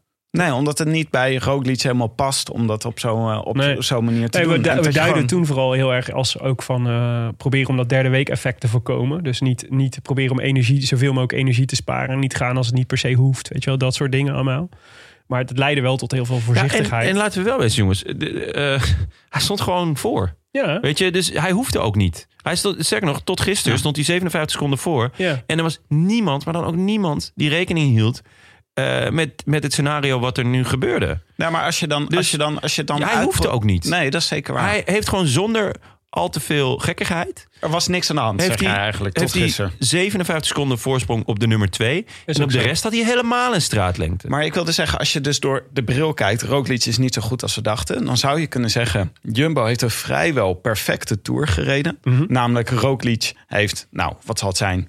drie kilometer misschien in de wind gereden... en voor de rest de hele tijd achter teamgenoten gezeten. Kan dat heel goed, zich heel goed verstoppen. ja. Jumbo had het tempo zo straf dat niemand kon wegrijden. Roglic werd niet bedreigd, Mhm. had heel snel de gele trui... en kon toen eigenlijk gewoon vrij moeiteloos naar deze tijdrit toe gaan. En dan zou in de tijdrit de specialist Roglic gewoon winnen. In een tijdrit die voor hem gemaakt is eigenlijk. Ja, Ja, behalve, dit klopte eigenlijk, dit was allemaal volgens het boekje. Behalve dan dat je kopman niet goed genoeg is om eh, genoeg verschil te maken op de momenten dat het erom gaat. Namelijk in de tijdrit of die keer dat hij weg probeert te springen bij Pogacar en dan 15 seconden op hem pakt. Ja. Wat weinig is. En dan is er nog een derde manier waarop je ernaar kan kijken. Is dat Roglic wel heel erg goed was. En dat Jumbo ook een heleboel goed heeft gedaan. Maar dat hij gisteren zo enthousiast aan zijn ochtend begon. In zijn gele, aan elkaar gestikte pak. Dat hij ineens bevangen werd door de druk. En gewoon onder de druk bezweken is. Nou ja, dat is natuurlijk wel nog eh, een. eh, en dat haakt ook wel aan op eh, dat jij zegt. Pogacar heeft die ervaring ook niet. Mhm. Pogacar had de druk ook niet. nee, dat is Kijk, zeker eh, waar. Roglic ging naar de Tour als huishoge favoriet. Met Jumbo als de, de nieuwe Ja. eh, eh, machthebber, de nieuwe patron eh, in het Zoals ze peloton. zich ook gedragen hebben in het peloton. Ja. Zeker, dat moeten ze misschien ook maar eens gaan overwegen. Van goh, hoe, hoe hebben we dat nou aangepakt? Mhm. Ehm, het kan heel kan voor je werken, maar het kan ook tegen je werken. Ik heb een paar momenten gezien, bijvoorbeeld dat ze breed uit over de weg gingen fietsen, zodat er niemand meer ontsnapte. Ik Denk, daar maak je ook geen vrienden mee. Eh, Jonathan Volters zei dat iedereen in het peloton inmiddels een hekel heeft aan Jumbo. Ik weet niet of Jonathan Volters een betrouwbare bron is, maar vond toch nogal ja, wat. eh, eh, het is in ieder geval een bron. Maar Roglic is vuur, zeg ik altijd maar. Dat is mooi gezegd. Mooi gezegd, schitterend. Zelf bedacht? Ongelooflijk. Ja, nee, ik ben geen Heb je die van, eh, geen Fatuna. Nee, heb je die niet van de vriendin nee. van eh, David? dit is namelijk, dit is echt een Katrine all over again. eh. Nee, ehm, Dus daar, daar moet ze ook nog even over nadenken. en- en- maar, en- maar ja, de druk doet ook wel, kan ook wel heel veel met je doen. Ja, Ja, en eh, Pogacar, vergeet niet dat Pogacar we- hij moest, was eigenlijk wel in een vrije rol naar de Tour gekomen. Maar de echte kopman Fabio Aru. Ja. was Aru. Ja. moet je wel- nagaan als die goed was geweest. Hè? ja, was gewoon 1-2 maar dan was je geweest. kansloos. Dan Nee, was je echt kansloos. Dat was het gebeurd. Ja, Nee, maar dit is natuurlijk ook zo. Dus, dus, het, is, dus het is ook. ehm, eh, normaal gesproken, in een normaal scenario, was het natuurlijk, had Roglic gisteren gewoon eh, een fatsoenlijke tijdrit gereden.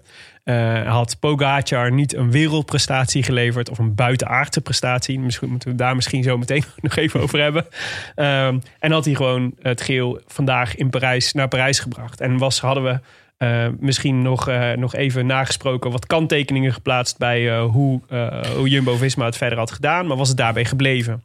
Maar ja, ik denk ook, ja, jongens, eh, eh, ze hadden ook alle lof gehad op het moment dat het goed was gegaan en hoe dat het fantastisch was gelopen. Dus laten we nu, dan moeten we ook eerlijk kijken naar wat er allemaal mis is gegaan. Want, en als je dan kijkt, weet je, als je nu met, met de blik van wat, van wat we nu weten kijkt naar hoe deze tour verlopen is, dan hebben ze prachtig gereden, Jumbo Visma. Absoluut. Voor, voor Tadej Pogacar. Want ze hebben, zelfs tot, ze hebben zelfs de gele trui, de last van de gele trui, tot de ene laatste dag voor hem gedragen. Hij heeft geen Ja. persconferentie hoeven geven, die jongen. Kon iedere dag lekker op tijd. Nou, ja, nee, dus waarschijnlijk had hij zelfs de Jumbo Food Coach app gedownload. Om te voorkomen dat hij de, de, de Texaco broodjes moest eten. Dat zou wel een hoop verklaren. Ja. Maar dat is toch... dit Want is- op alleen ja. zijn broodjes, dat merk ik dus al eh, nu al een tijdje, red je het niet. Nee, maar ik noemde net, ik zei net, ja, het is uiteindelijk maar een Sloveen voor Jumbo-Visma. Maar ik voel wel, ik voel het vooral ook voor Zeeman en Pluggen en zo. Dit is Zeker. natuurlijk voor hen Vrienden was, van de show. is het natuurlijk echt, is het natuurlijk zo dramatisch om zoiets. Weet je, hoe vaak sta je in zo'n positie? Ik denk niet dat het voor hun de laatste keer is dat ze in deze positie komen. Want de, de hegemonie van Jumbo-Visma is niet in één keer voorbij. Maar dit was natuurlijk wel echt een unieke kans. Ja. En ja, weet je, we weten ook allemaal wat er aankomt aan jonge gasten. En die Pogacar rijdt... op wie doe jij? Hij die niet genoemd mag worden? Mathieu van der Poel bedoel ik. Ja, Mathieu van de Evenepoel. hij die, niet- hij die niet genoemd mag worden. Dat zou leuk zijn, dat we hem nooit ja. meer noemen in deze podcast. Zo nooit als, meer noemen. Als eh, balans met, eh, met België. De- eh, dat Evenepoel het nieuwe sneeuwmuur is. eigenlijk. Oh man. Ja, maar, Ik- ehm, ja. maar dit, dit, de, nou ja, dus ik voel heel erg met hun mee. En, maar het is echt, het is, ik vind het wel echt heel anders inderdaad dan had Dumoulin op die positie gestaan. Zeker. Nu denk ik, ja, het is jammer. Het is, het is jammer voor Roglic. Maar ja, Ja. Dat, is dan, dat is het dan. Ook wel weer lekker dat dan de eerste Jumbo-winnaar volgend jaar toch een Nederlander kan zijn. Dat is schitterend. Ja. Ja. Nou, Tobias Vos toch, volgens de statistieken. dus de, de, de Tour de l'Avenir eh, winnaars van het jaar daarvoor... hebben de afgelopen twee jaar eh, de, de Ronde van Frankrijk gewonnen. Wauw, echt? Bernal, Is dat gewoon ja, een... eh, Bernal en Pogacar. Tobias wat? Vos is de volgende. Wat een vette statistiek. Ja, Oké, dus maar nu zou, even een gewetensvraag. Hè? Ja. Hebben jullie nu op dit moment liever dit scenario, wat er gebeurd is? Of hadden jullie liever gewild dat Roglic gewoon gisteren een klinische overwinning had gepakt? 10 seconden op Pogacar. Tja, oeh. Dat vind ik... Oh. eh, Ehm, nee, ik had dit niet willen missen. Dit is wat, dit is, deze dag maakt van deze tour eh, drie, van drie wijnglaasjes vier wijnglaasjes. Ja. En, eh, Armstrong zei, beste tour die ik ooit gezien Ja, heb. hij was echt schitterend. En dat, is- ik vond vorig jaar de Tour al schitterend met Ja. alle gekkigheid die er gebeurde. Ja. Eh, maar ik vond dit echt wonderbaarlijk. Ik heb echt genoten. Sowieso eigenlijk de, de, de man die van mij nog heel veel meer eh eh veer in zijn reet mag krijgen... is uh, Gouvenou, de, de parcoursbouwer. Mhm. heeft echt een schitterend parcours gemaakt. Met strijd op echt alle fronten tot op de laatste dag. Groen, bollen. eh, het vette vond ik zelfs dat die groene trui ervoor zorgde... dat, dat, het, dat de bergritten echt in een rammend tempo werden afgelegd. Ja. De bollen die op de allerlaatste klim in een tijdrit worden beslist. Eh, wit, geel, nou, fantastisch. Echt, eh, echt schitterend. Dus, en ja, en als dat betekent dat, dat dan volgend jaar de allereerste eh toeroverwinning van Jumbo eh, naar Sam Omen gaat, ja, dat vind ik schitterend. Dat moet dan maar. ja, dat moet dan maar. Ja. Dat moet dan maar. Ik nee, wil dus dan- ik kies, eh, ik, kies, eh, ik kies gewoon voor, de, voor deze. Dit, dit, dit, dit, is, dit was het scenario. Tof. Ja. Ik had liever gezien dat het andersom was gegaan. Dat Dumoulin eh UAE op een hoop had gereden op de, op de ene laatste dag. Ja. Maar ja, het Of- was toch. of- maar, en jij ja. dan, Tim? Ja, nee, of heb jij ik- toch een geel-zwart hart? Nee, maar ik had dit nooit willen missen. Ik heb gewoon, dit is waarvoor je wielrennen kijkt. Dat Ja. er zoiets nog kan gebeuren. Je bent, ik was ook een beetje het geloof kwijt dat dit soort dingen kunnen gebeuren. Ja. We zagen het al een beetje met Froome, die Ja. het zo stunt uithaalde tijdens de Giro. Was Ja. echt fantastisch. Maar in de Tour hou je dit niet meer voor mogelijk. Nee. Die, Dus die zat zo op slot. Ja, maar dit is echt, het is toch eh, Le Mont Fillon. Dat is de, Ja. dat is de Ja. vergelijking. Ja. Ja. maar ja, we hebben gewoon jarenlang naar Dus Sky en naar 1988. US Postal en naar Banesto gekeken. Ja. Dan is Ja. dit geweldig. Ja.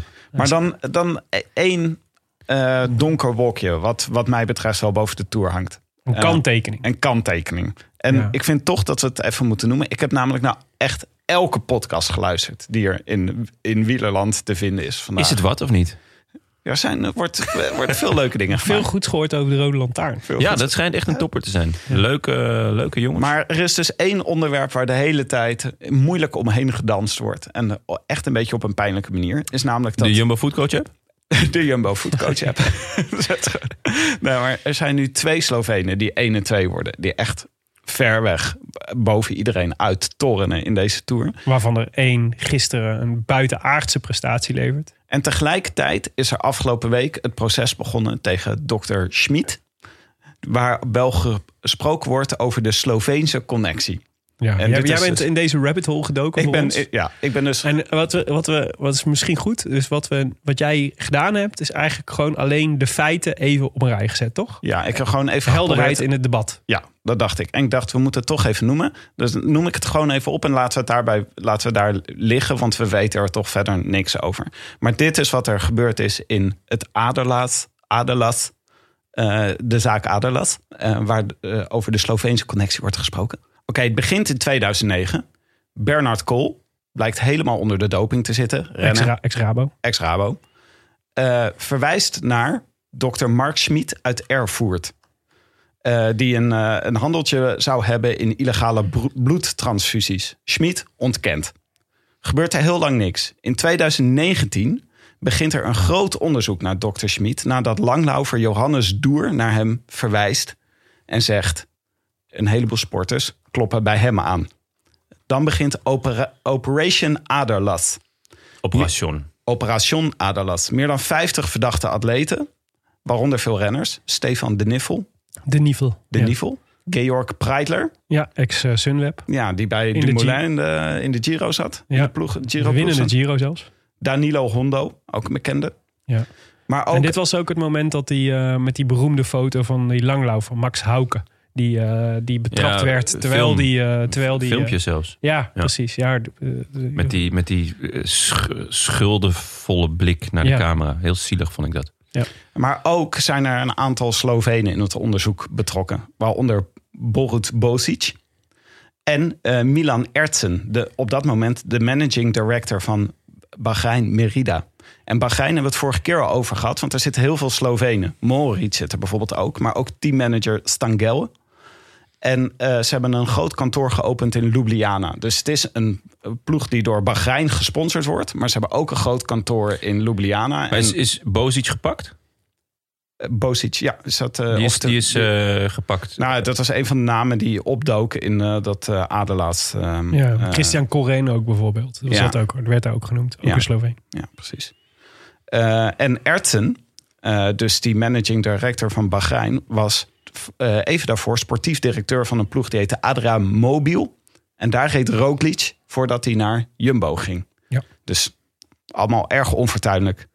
Eh, die langlaufer die vertelde overigens ook dat dokter Schmid een Sloveens nummer gebruikte voor zijn dopingzaakjes.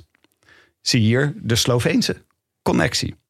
Slovenië is een beetje raar land, want daar zijn de dopingwetten niet zo streng als bijvoorbeeld in Frankrijk en Duitsland. Je mag niet handelen in doping, je mag niet eh, betrapt worden als je met een auto vol met doping door, door het land rijdt. Maar bijvoorbeeld het gebruik van bloeddoping is niet verboden als je daarop, eh, als je daarop betrapt wordt. Dan, deze maand, september 2020, eh, meldt het Nieuwsblad in België. Onderzoekers in de op Operation Adalas hebben een nieuw dopingproduct in het vizier. Namelijk hemoglobin human heet het. Of human, hemoglobin human heet het. En het lijkt een beetje op EPO. En je kan het testen, maar ze testen het niet automatisch. Dus we hebben het nooit in... Als je het gewoon in een oude test is het niet opgedoken. kan het niet opgedoken zijn terwijl het wel gebruikt is. En terwijl je het wel achteraf kan testen. Dus dat is wat er waarschijnlijk ook de komende tijd gaat gebeuren. Ze gaan het achteraf, gaan ze nog stalen daarop testen. Ehm, en dan is er tegelijkertijd, is bij de ploeg waar Pogacar rijdt...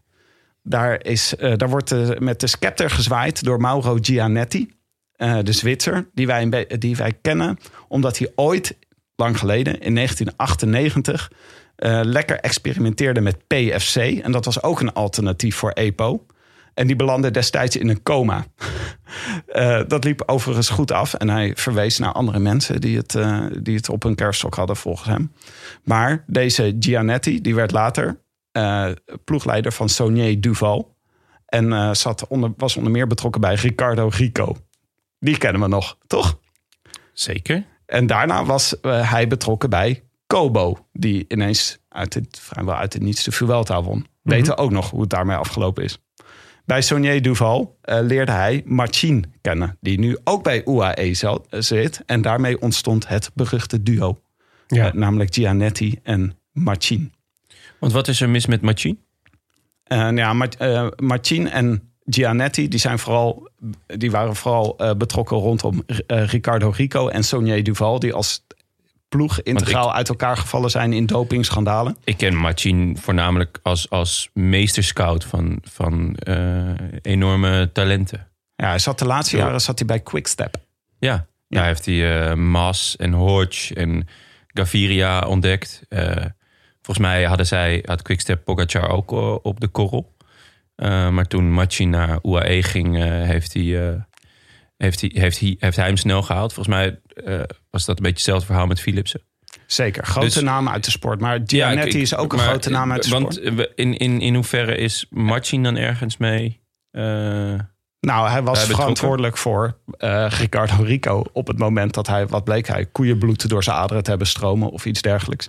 verantwoordelijk in de vorm van eh, Maar hij was ook ploegleider. Iban Ja. Mayo zat daar bijvoorbeeld ook hè, bij Saunier Duval toen hij op EPO betrapt werd. Ja, Saunier Duval, waar Wel hij andere toen, tijd natuurlijk. waar hij toen Ja, ja, waar hij toen eh, eh, manager was, ehm, is, een, is totaal uit elkaar gevallen in, de, uit, in dopingschandalen. Ja, Dus zoals eigenlijk- vrijwel elke ploeg in die tijd, toch? Ja, zeker. Maar je zou ook kunnen zeggen, het wielrennen had eigenlijk al lang geleden afgerekend moeten hebben met dit soort types. Maar als kanttekening, je kan zeggen dat alles wat ik nu noem, die hele operatie Aderlat, Saunier Duval, Ricardo Rico ehm, en de betrokkenheid van Roglic en Pogacar op die manier met al deze mensen is puur circumstantial, zou Inspector Morse zeggen. Maar ik dacht, laten we het even genoemd hebben. Want bij Inspector Morse werkt het natuurlijk ook altijd zo dat als alle pijlen één kant op wijzen, dan kijk je eigenlijk verkeerd en moet je ergens anders kijken. Maar goed, we gaan hier dus nog veel van horen, want dit proces Ja, is nu begonnen. Ik, ja, ik vind het heel veel zijpaadjes. En, en ik vind het te makkelijk om eh, elke keer als iemand iets goeds doet, een, een, een, een, een, een, een, een, een, een bijzondere prestatie neerzet, om dan, om dan dit soort dingen te gaan roepen. maar wat, wat, A, wat roept hij? En B, het is, Nou ja, niet, een, het is je- niet een bijzondere prestatie, het is een bizarre prestatie. En het is niet zomaar een bizarre prestatie, het is midden in eh, de Sloveense connectie van operatie Aderlas. Staan er twee Slovenen op uit een land waar... eh, eh, staan er twee Slovenen op die, die de hele wielerwereld hun wil opleggen. Dus het is, het is, wat het ingewikkelde is, vind ik bij dit soort dingen, is ja, het is circumstantial. Tim heeft helemaal gelijk. Volgens mij noemde jij een aantal namen die al lang uit het wielrennen verdwenen hadden moeten zijn. Dat vind ik echt een kwaal van het, van het hedendaagse wielrennen. Dat gewoon, we zeulen zo'n last uit het verleden mee. En het probleem is, weet je, je kunt het er wel niet over hebben. Eh, maar je kunt, je, je, je, je kunt toch niet anders dan daaraan denken ook. Weet je? Dus, Maar er is toch- geen enkel bewijs. Er is Ja, gewoon maar geen enkel... Er is ook geen, en- er is ook geen eh, enkele beschuldiging. Nou, ik vind het niet een, een heel. eh, eh, we hebben het nooit over doping in, in onze. ehm, we hebben het wel degelijk wel eens over doping. nou, ik vind dat wij het, daar hebben het daar heel Maar- zelden over. En, en van mezelf is dat Het bewust. is ook niet het leukste Want thema om is, het over het te is, hebben. Het is elk, als, als ik nu wielrennen ga kijken en elke keer als iemand dus iets, iets heel goeds doet, dan kan je zeggen ja, doping. En dat is ook vrijwel iedereen die nooit naar wielrennen kijkt. En ik vertel, ja, ik, ik kijk graag naar wielrennen, ik maak een podcast over. Dan, oh ja, ja, want iedereen, iedereen pakt daar. En ehm, ja, daarvoor weet ik er gewoon te weinig van. We zitten, uiteindelijk zijn wij bankzitters en zitten we niet in die wereld. Nou, maar daarom is het Eh, toch... we daar- kijken ernaar, dus we kunnen alleen maar naar de prestaties kijken. Nee, we kunnen daarnaast naar de feiten kijken. En de feiten zijn dit. Dit zijn pure feiten. Er wordt niemand beschuldigd. Wordt niet, wordt alleen, je kunt alleen niet, je kunt hier niet onderuit, zeg maar, om een buitenaardse prestatie in het wielrennen ook met deze blik te maar hadden, hadden we dit gesprek ook gehad als, als Roglic eh, de, de Tour had gewonnen? Nou, ik hoop het wel. Ja. Hadden, hadden we dan ook dit helemaal uitgezocht? Want de, de, de link naar Roglic is dat Ertsen sportief directeur was van zijn vorige team. Dat is, eh, hoe lang rijdt Roglic al bij eh, Jumbo? Is ook zo. Nee, maar Eh, volgens mij moeten we niet over beschuldigingen aan Roglic hebben. Het is gewoon, het is, er hangt wel een klein donker wolkje boven het peloton... op het moment dat er twee Slovenen zo dominant zijn... en Slovenië eh, het middelpunt Ja. is van een grote rechtszaak in het wielrennen. De grootste rechtszaak in het wielrennen van de afgelopen 15 jaar. Maar wat het ingewikkelde Dat is is... en alleen een donker wolkje. Laten we het daarbij houden. Zeker, nee maar, wat het, niet, wat, eh, nee, maar wat het ingewikkelde is... dit is precies het ingewikkelde van praten over, praten over doping. Dus het is, dit is precies het gesprek wat we, wat we, wat we als zeg maar, wielervolgers en wielerliefhebbers... nog steeds niet zo goed kunnen voeren. En, en, eh, en want het is, het, het is meteen, het, is of je bent meteen iemand aan het beschuldigen en je durft, ja, je, of je, je ontneemt iemand zijn bijzondere prestatie, of je beschuldigt iemand vals en je, of je loopt het risico dat je iemand vals beschuldigt. Maar het is natuurlijk nog steeds, er zijn nog steeds heel veel, laten we zeggen, verdachte omstandigheden rondom het wielrennen. Mensen die in het verleden echt gruwelijke, grove fouten hebben gemaakt hieromtrent. Die nog steeds een plek hebben in dat wielrennen. En die het ook nog steeds moeilijk maken om dit gesprek op een eh, makkelijke, open manier te voeren. Ik voel me hier ook heel de tijd ongemakkelijk bij als we het hierover hebben. En toch denk ik, ja, het is gewoon, er zitten hier gewoon heel veel dingen in. Die, waar, waarvan ik denk, daar hebben we het laatste nog niet over gehoord. En dat is gewoon, dat maakt het gewoon complex. En dat doet helemaal, wat mij betreft, helemaal niks af van hoe, hoe ik gisteren naar dat wielrennen heb zitten kijken. Eh, met, met, eh, dat, dat is natuurlijk gewoon puur genieten. Die twee dingen kunnen ook los van elkaar bestaan. Maar het is, het is, het, ik vind het veelzeggend, zeg maar, voor, een, voor, voor, voor wielrennen dat, je, dat dat gesprek nog steeds zo ingewikkeld is. Ja, en ik dacht, we moeten daar ook even induiken, omdat het gewoon... Er was gisteren een buitenaardse prestatie. Iedereen zat zich op zijn hoofd te krabben van, wat is, wat is hier gebeurd? dit, is, dit is zo onverwacht dat er iemand zo ver boven zichzelf uitstijgt. Dat er hier en daar tussen de regels wel een beetje suggestie werd gewekt van... nou, dit is wel heel frappant. Maar niemand daar zegt er iets over. Dus toen dacht ik, nou, dan ga ik gewoon zelf eens zoeken. Dan wil ik gewoon weten, wat, er, wat speelt er dan op dit moment? En waarom wordt af en toe Operation Adalat genoemd... zonder verder te zeggen wat de situatie daarvan is. Maar Ja. dat weten we nu dus. En eh, we gaan het zien de komende tijd. Want nu moet eh dokter Schmid dus eh, voor de rechter verschijnen. Oké. Tot zover. Yes. Ehm, laten we het er nog heel even terugblikken op onze, op onze tourbespreking. Ja. Onze voor, voorbeschouwing. En hoe ver we er, er, er dicht op of er, er juist heel ver vanaf zaten. Waar zat de grootste fout? Jonne, waar zat jouw grootste... Wat was jouw grootste misser in jouw opzicht? Jouw optiek?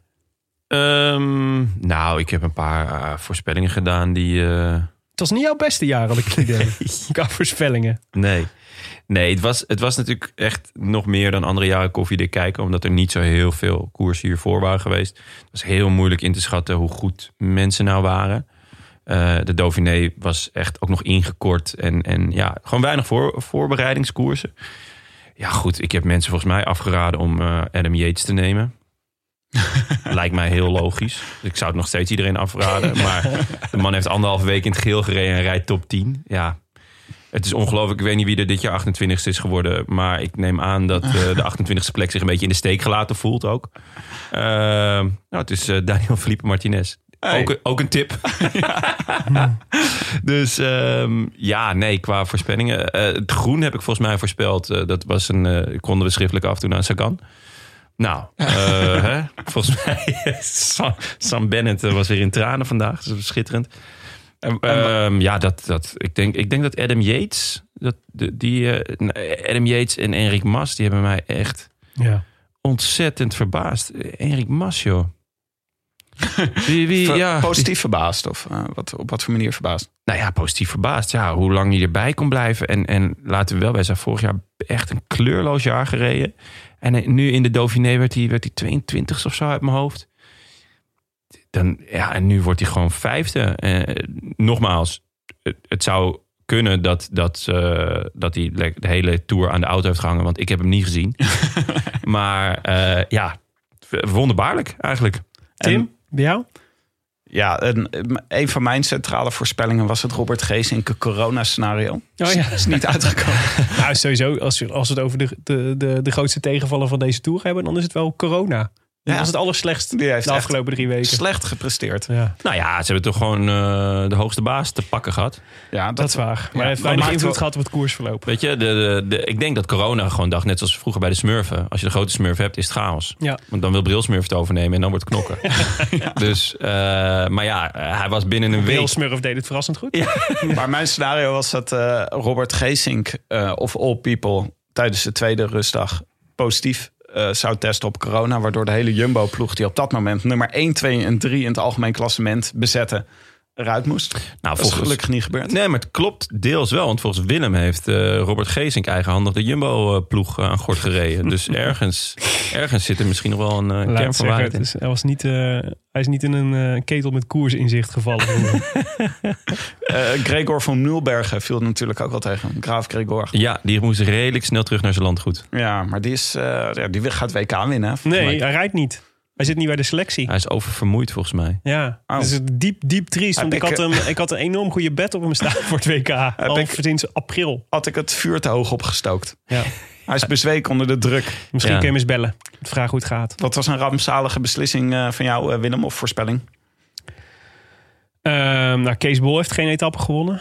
Zat er wel een paar keer dichtbij. Maar Zeker. Maar, eh, ook ja. wel vaak ver vanaf. Ja, dus, maar goed, dat, dat stond weer... wij hadden een, wed- een weddenschapje lopen. eh, Kees Bol een etappe en Bauke Mollema top 5 in het klassement. Is het Ja. ook niet geworden helaas. Nee, maar ik, ik zat naar eh, de GC te kijken. Ik...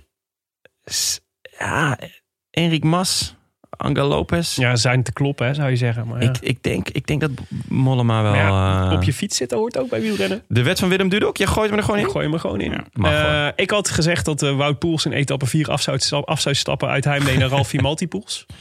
Nou, daar handje. klopt dus helemaal niks van. Nee, ja, hij is, hij is in, de, in de Tour gebleven. Terwijl het toch eigenlijk zeg maar 2,5 week in de lucht Ja. heeft gehangen dat hij zou gaan afstappen. Ja. Hij deed nog wel wonderbaarlijk kopwerk hoor, voor Landa. Ja. Maar ik wil wel, mijn, eh, wel even de credits dat ik mensen af heb geraden om Egan Bernal, Thomas de Gent en David Gaudu in hun poeltje mee te nemen. Ja. Daar, eh, daar eh, hebben we goed advies. hebben Heb je jezelf eraan gehouden of niet? Eh, nee. Wie had jij dan? Ja, Bernal natuurlijk. Ah. Maar ik had ook al wel gezegd dat ik iedereen afraden om hem te nemen, zodat ik hem zelf ook kon nemen.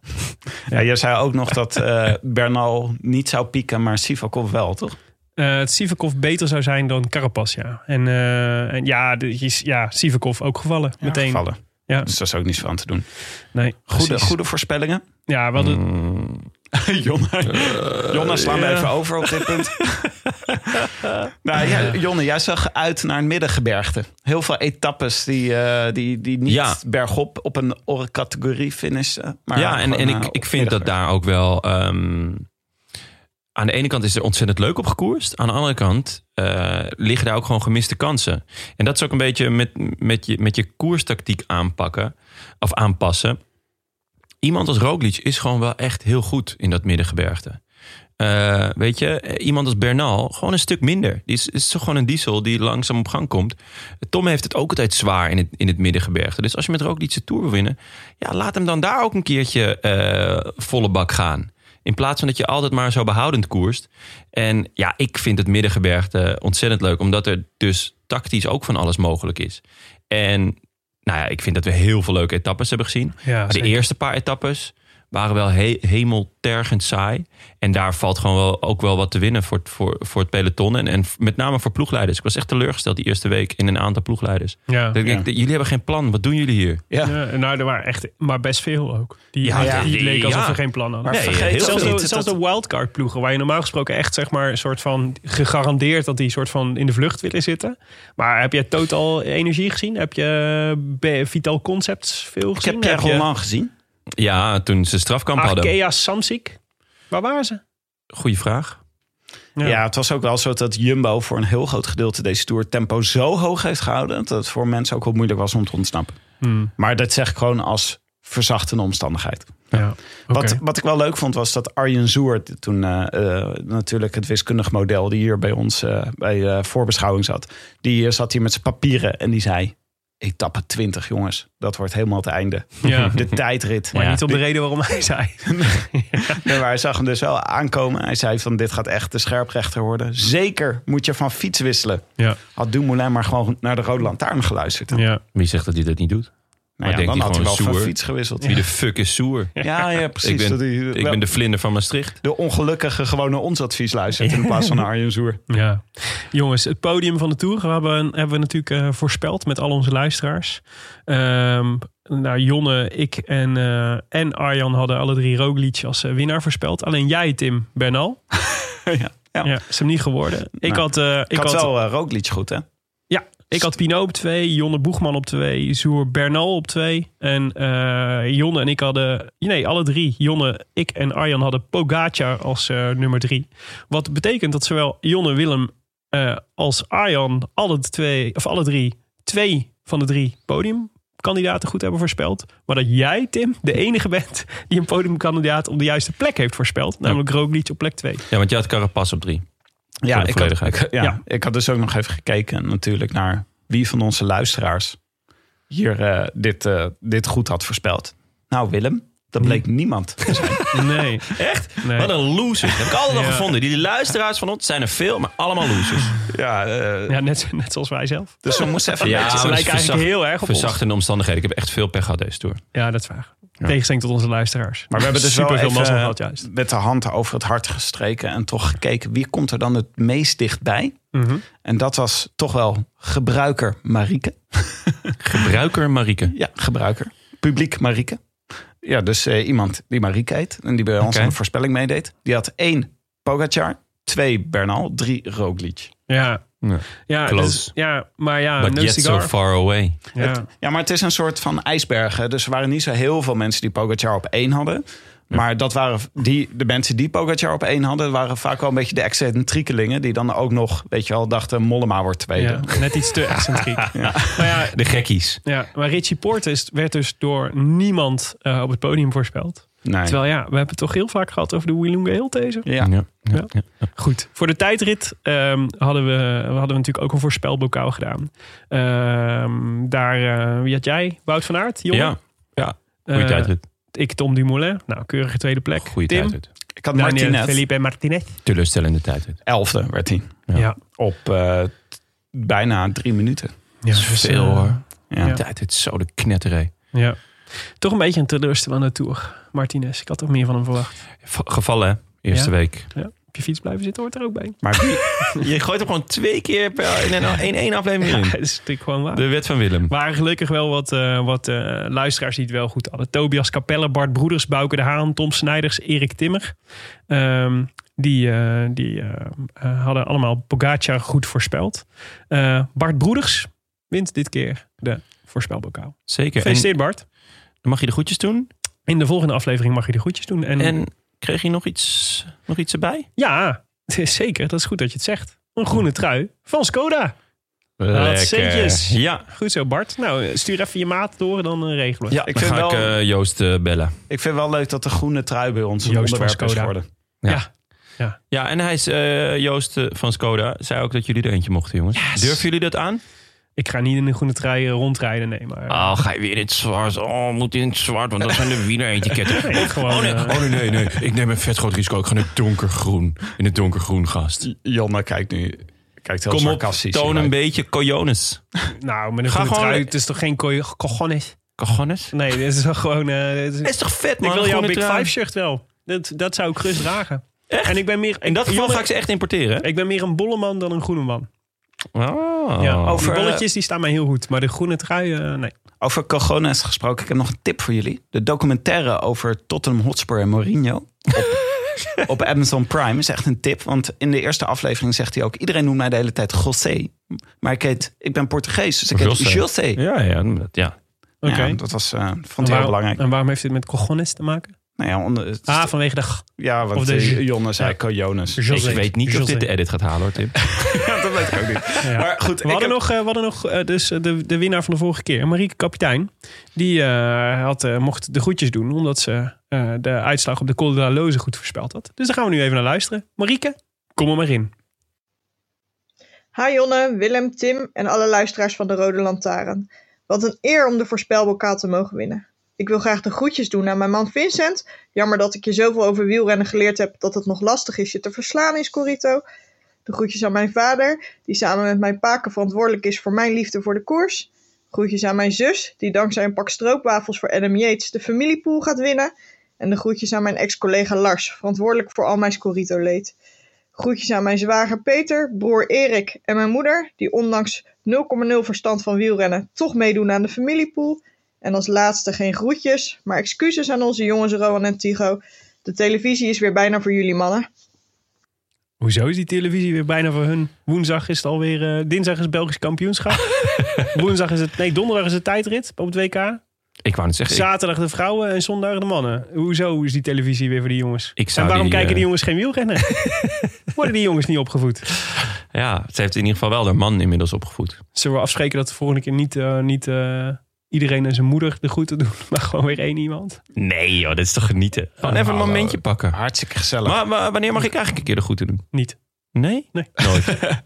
Ik heb nog eh, natuurlijk even gekeken naar onze Scorito-pool. Hoe is het met de Joris afgelopen? Dat Ja. is natuurlijk de vraag die op ieders lippen brandt. Vrienden, Red Wedding. Onder de jongens. Red Wedding. Ja, het was En echt... Doe jij nu een, eh, wat is het ook alweer? Wat is die serie ja, die jij Game kijkt? of Thrones. Oh ja, Game eh, of Thrones. Dit is een Game of Thrones eh, Referentie. Oh, we zitten weer Red nerds bier te drinken en het borrelt weer op hè, Wordt op een gegeven moment tijdens een bruiloft worden ineens de deuren gesloten en wordt gewoon iedereen vermoord. Alle hoofdrolspelers die binnen zitten gewoon allemaal over de kling Het gejaagd. is serieus leuk om even... Ik bedoel, ook al kijk je niet Game of Thrones. Deze scène staat gewoon op YouTube. Deze is echt een leuke scène. Ja, Ja. In al zijn gruwelijkheid schitterend. Nee, Willem, Is- je moet- ik heb al een juist- keer, v- eh, vanwege jullie heb ik naar eh, een, een scène uit eh, World of Warcraft moeten kijken. En Leroy nu- Jenkins. Ja, Leroy Jenkins. Wat trouwens best een leuke scène was, moet Zeker ik toegeven. Ja. Dus misschien dat ik hem er nog even bij pak. Ja. Nee, weet je wat je moet doen? Je moet niet kijken naar de Red dus. Wedding zelf, maar je moet kijken naar de reacties op de Red Wedding. Je kan dus een filmpje zien waarin mensen naar de Red Wedding kijken en zo. Die kijken hetzelfde naar de Red Wedding zoals wij gisteren naar de tijdrit hebben gekeken. maar goed, de Jorissen, die hebben dus zijn allemaal gesneuveld. En dat Nee. Allemaal? Ja, het is echt... Weg, eh, weggejoris, er waren heet dat dan toch? Ja, ja, zeker. Joris eh, Zwartjes wordt vierde. Eh, Ah, maar hij, heeft, oh. hij heeft de koers gekleurd. Ja, Zwartjes. maar het is wel ja, een, eh Mooi. een De rookliedje. Marijn dus. Zeeman van de Scorito. Joris de beste wordt dertiende. Oeh, ja, wel een mooi, mooi nummer Dat is dan. een beetje een lopesje, Ja. zou ik zeggen. Ver weg zakt in de tijd. Het slechte tijdrift. Maar Joris de beste. dan de winnaars. Tromgeroffel. Op nummer drie, Snarf. Yes, lekker snel. Zo kennen we hem weer. De bijnaam Snarf. van Frans van Weren. Leuk. Keurig derde geworden. Ja. Nummer twee, Wat een roskop. Leuk. Van Jochem Iets te Schepers. onbekende renners, maar anders Ja. was hij... eh, was hij eh, Had hij mee kunnen dingen voor de, voor Jochem de Schepers, originaliteitsprijs. hartstikke goed, zilver. En, En- de winnaar, Prachtige eerste plaats. Gewoon veroverd in het laatste weekend. Geweldig gedaan. de Pogacar van de Scorito Pool. Ja. Starlink. Martijn Kleuskens. Gefeliciteerd Martijn. Schitterend. Jij wint het eh, gesigneerde Arkea Samsic Canyon shirt. Ja. Gesigneerd volgens mij door de hele ploeg. Ja? Zowel Nairo als Dayer als eh, Paste, Elia. paste dat er allemaal op? Kan me niet voor. Het zijn heel kleine handtekeningetjes. Ja, het is, dat, is, dat is Nairo. Ja. Ja. Nice. Nee, dit is, maar dus gefeliciteerd. Die mag eh, ingelijst eh, worden en, eh, aan- en aan je muur komen te hangen. Martijn. Schitterend. Het Hartstikke was, tof. het was een moeilijke Scorito-pool. Want je kijkt, als je ook naar de top 10 kijkt... iedereen reed gewoon rond met de helft van het team uitgevallen. Ik zweer het je, ik had dus echt, omdat, omdat er zoveel eh, keus was. Dus, dus het was heel moeilijk om echt. eh, je had natuurlijk wel de twee, drie favorieten. Maar daarna was alles zo dicht bij elkaar. Dacht ik, ah, weet je wat, ik neem gewoon Ewan en Bennett niet mee. En ik zet gewoon in op extra eh, ja, Ja. B-klimmersgarnituur. Dus ik had denk ik 14 man of zo gewoon voor het klassement. Mhm. En ja, de laatste etappe is toch gewoon weer Sagan op moeten stellen. Omdat Ja. hij dan toch nog in het groen of tweede in het groen was. Of, Ja, dat was, was mijn echt- fout ook. En, en het probleem daarvan is dat je ook aan het begin te veel renners hebt om in je ploeg te, in je ploeg ja, te steken. Ja, ja zeker. Dat is echt een blunder. Dat het, eh, ik, ik- je zou zeggen dat ik na al die keren Scorito wel zo door zou moeten hebben. Maar dat is niet zo. En ik vergeet het ook nog af en toe om mijn, mijn ploeg samen te stellen voor de dag. dat is de ouderdom, hè?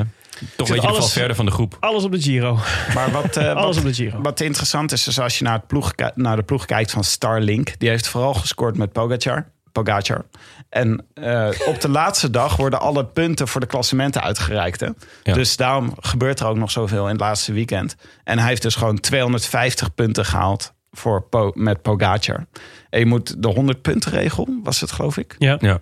Voor elke miljoen. Moet je 100 punten halen. Ja, dus Ja. Pogacar heeft, eh heeft 2,5 miljoen heeft hij waargemaakt. Ja, dat is dan niet eh, dat is geen goede aankoop. ook nogal mee. Hè? Nee, dat kan niet. Dat kan niet. Alleen al voor, het, voor de gele trui krijgt hij dat volgens mij. Dus dit kan niet kloppen. Heeft eh, 250 voor het gele trui Je kunt niet, eh, je kunt Oh, niet, je kunt niet, je kunt niet de gele trui winnen en eh, wat Sorry, het, ik zeg drie niet ritten. goed. 816 punten. Ja. Dus hij heeft Ah, Hij, had betekent 8,1 8 miljoen. kunnen kosten. Of 8,1 8,16 miljoen. Ja.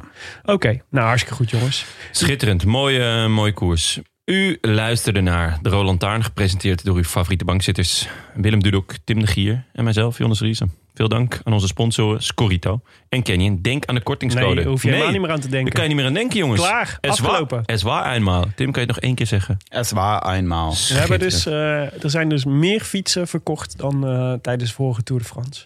En toen waren er wel echt belachelijk veel fietsen Ja, gekocht. dus, dus nu zijn eh, er ultra belachelijk veel onze fietsen. luisteraars zijn weer lekker fit. Zien wij daar nog iets van terug qua centen? Of is het weer, eh, hebben die deal er weer niet uitgesleept? Mag het hopen. Maar daar gaat Tim over. Daar bemoeien wij ons niet mee. Ja, geen eh, eh, fiets van de show eh, code dus meer. Maar ehm, wel dank aan onze vrienden van de show. Bijvoorbeeld eh, Erik Malkorps. Is dat familie van? Zeker familie van. Vader Leuk. van. Ach, nou, extra warme goed. Van wie? Eh dag- en nachtproducer Lieke Malkorps. Oh, Ja, het, ik mag wel zeggen het kloppend hart van, Zeker. eh, de, van Dag van en de Nacht? Datevermaak podcast, toch?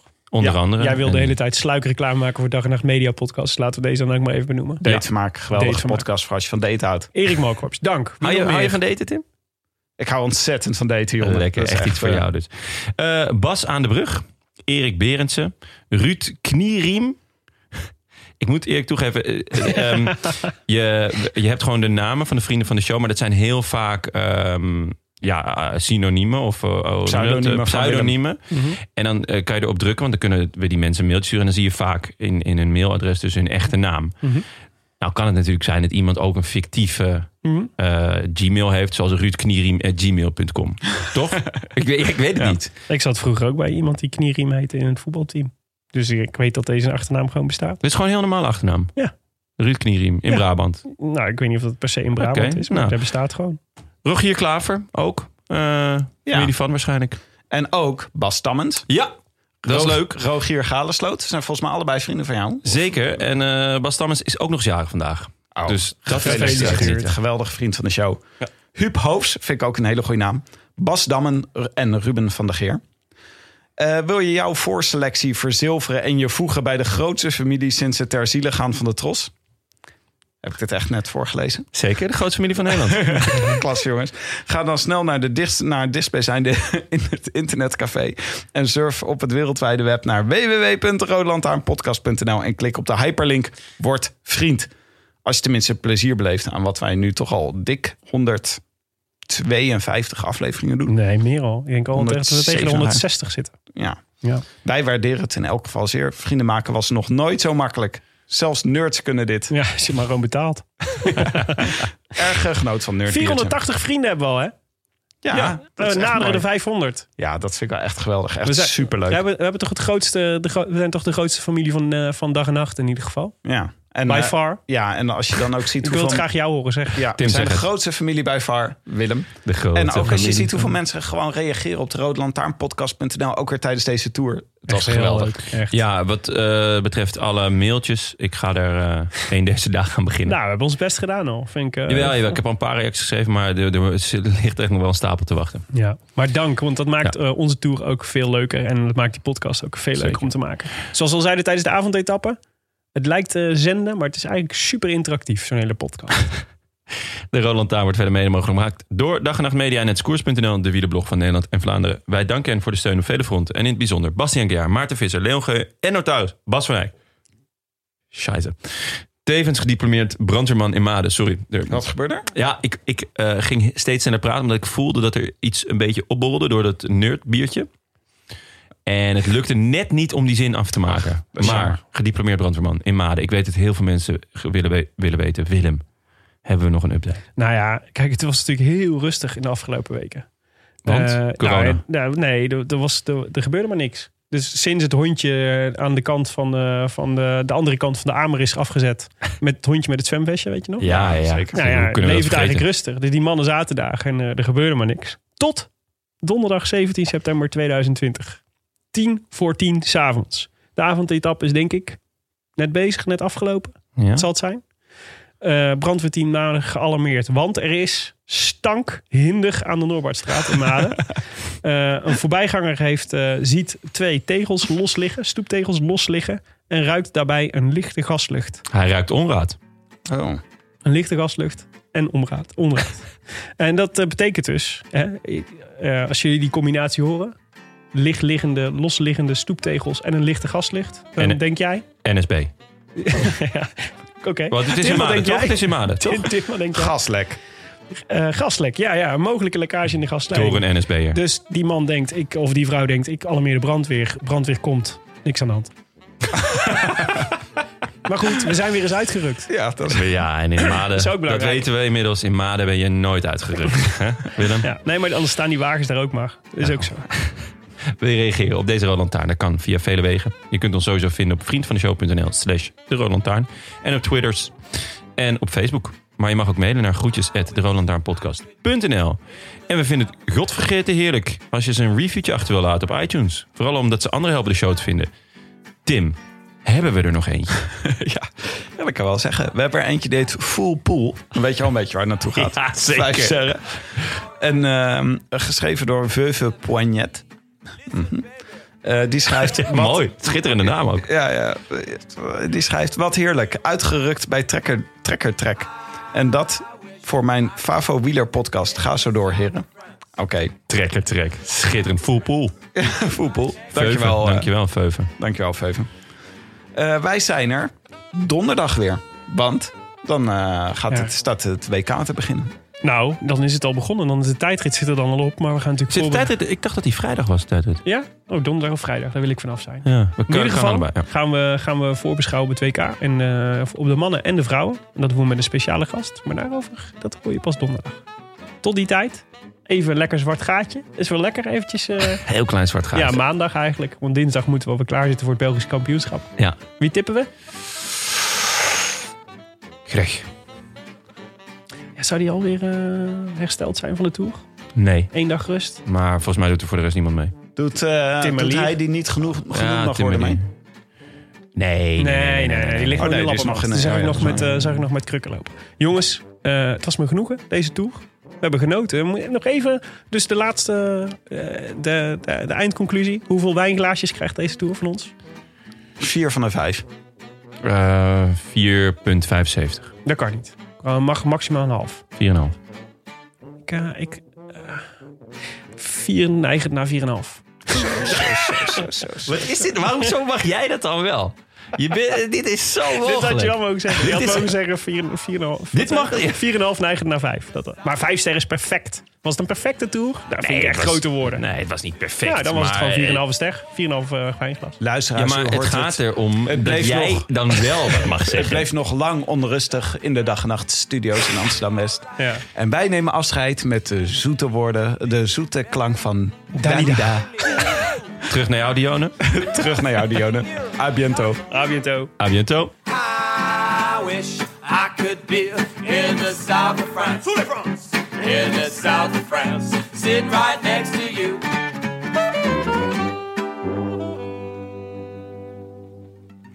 Hey Arjen. Hey, goedenavond Tim. Goedenavond. Dit was een eh, statistisch rare tour, hè, denk ik. Jongens, mijn eh, computer eh, is er behoorlijk van slag van. Is die vastgelopen? Nee, maar eh, hij, eh, hij moet er wel een beetje aan wennen hoe dit ontvouwen is, eh, kan ik melden.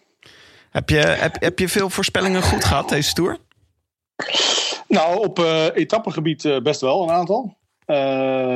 En ook vandaag, Sam Bennett was goed voorspeld. Ehm, Lekker. Maar maar eh, deze afloop, we deden elke rustdag hebben we zelfs nog een, een eh, bijgestelde voorspelling van het algemeen klassement eh, gedaan. En dan zag je Pogacar wel steeds dichterbij komen. En ook in de tijdrit was eh, kort dichtbij voorspeld. Maar dat hij met twee minuten er voorbij zou gaan, nou, dat had het model zeker niet zien aankomen. Want wie, wat, wie had je in de tijdrit als favoriet te staan? Roglic bovenaan en daarna Dumoulin en daarna Pogacar? Uh, ja, Roglic, uh, Tom Dumoulin, Pogacar, Richie Port, Wout van Aert. Oh, dat was de top Dat is wel uh, redelijk on point, toch? Ja, alleen een andere volgorde, wat uh, best wel relevant was. Uh, voor ja, ja, ja, dat klopt, ja. Een klein detail. Arjan, wat, uh, wat waren wat jou betreft de grootste verrassingen... als je het zo vergelijkt met het model? Nou, Richie Poort, de, de theorie van, van Willem... dat hij niet won op Walloonga Hill en waardoor alles anders werd... ja, dat zag je ook terug in, in, de, ja, in de voorspelling. Even kijken, ik had een vergelijkje gemaakt. Welke grote afwijking zie ik nog meer? Ja, de, de Adam Yates, die had ik veel slechter voorspeld. En die is toch negende geworden. Wij allemaal. Die was eigenlijk, ik denk ja, dat... die was voorzien in het, in het klassement voor de bollen. Hè, maar... Ja, zelfs de moeder van Adam Yates had hem lager voorspeld dan wat hij uiteindelijk heeft gedaan. Dus daar hoef je je niet voor te Ja, schamen. precies. Had je nog meer? Nee, en ja, Oeran uh, was toch ook wel een stukje lager. Uh, ook elf plekken hoger dan wat hij voorspeld was. Uh, en, en misschien, uh, misschien nog wel belangrijker, Enrique Mas, de, de Subeldia van deze tour, zoals Jonneman terecht zei. Ja. Vijf, vijfde is geworden en hij was als 24ste voorspeld door de computer. Dus dat is toch ook wel een hele groot gat. Ja, dat is wel een flink gat, ja. Wat, ik wel, wat ik wel mooi vond, was uh, dat volgens jouw model voorafgaand aan de Tour... Dumoulin uh, zevende zou worden. En zo waar, hij is zevende geworden. Ja. Nee, dus uh, Kruiswijk en hij hebben nu een speciaal plekje voor de computer. Want, uh, Die doen gewoon wat Ja, ze moeten ik- doen. van die jongens kun je op aan, zo blijkt maar. Uh, is het, was zijn, waar zijn uh, kansen nou erg veranderd tijdens de Tour? Uh, nou, nee, op zich niet. Um, uh, hij heeft moeten werken en dat heeft de computer enigszins meegenomen. Als hij echt veel had moeten werken, dan was hij volgens de computer lager geëindigd. Dan zou hij, uh, even kijken, moet ik goed zeggen, vijf plekken lager eindigen. Ja, veertien dus zou hij dan hebben geëindigd uh, volgens de computer. Uh, uh, maar de, de strategie van uh, Visma was, uh, van Jumbo Visma was blijven rijden om, om ook relevant te zijn in het klassement. Nou ja, zevende is dan een mooie plek. Ja. Ik heb ook aan het, uh, na, na vandaag heb ik ook nog een keer weer de voorspelling gedraaid. Uh, uh, als, alsof het zeg maar nog voor de Tour de France was. En dan was die vijfdes geworden volgens de computer. Oh, hm. dus de kansen zijn beter geworden omdat hij goed heeft gereden deze Tour? Ja. Ah, ja. ja. Ja, want hij, hij miste natuurlijk vorig jaar nou, best wel uh, veel data, waardoor uh, de computer hem lager inschatte. Uh, maar met de aanvulling die er nu is bijgekomen afgelopen drie weken zit hij weer op uh, nummer vijf. Dus hij, uh, hij is aan het klimmen. En uh, ik, ik, zou er niet van, ik zou er niet versteld van staan als hij hoog, uh, hoge ogen gooit in de Vuelta. Heb je toevallig al het, uh, heb je het WK al gedraaid? Nee, nog niet. Nog niet. Die gaat er uh, begin deze week aankomen. Eerst de tijdritten en dan uh, ja, het echte weg, de wegwedstrijden van zowel de, de dames als de heren. En wat is je, je grootste misser die wel in de top 10 stond, maar die dus echt heeft gefaald?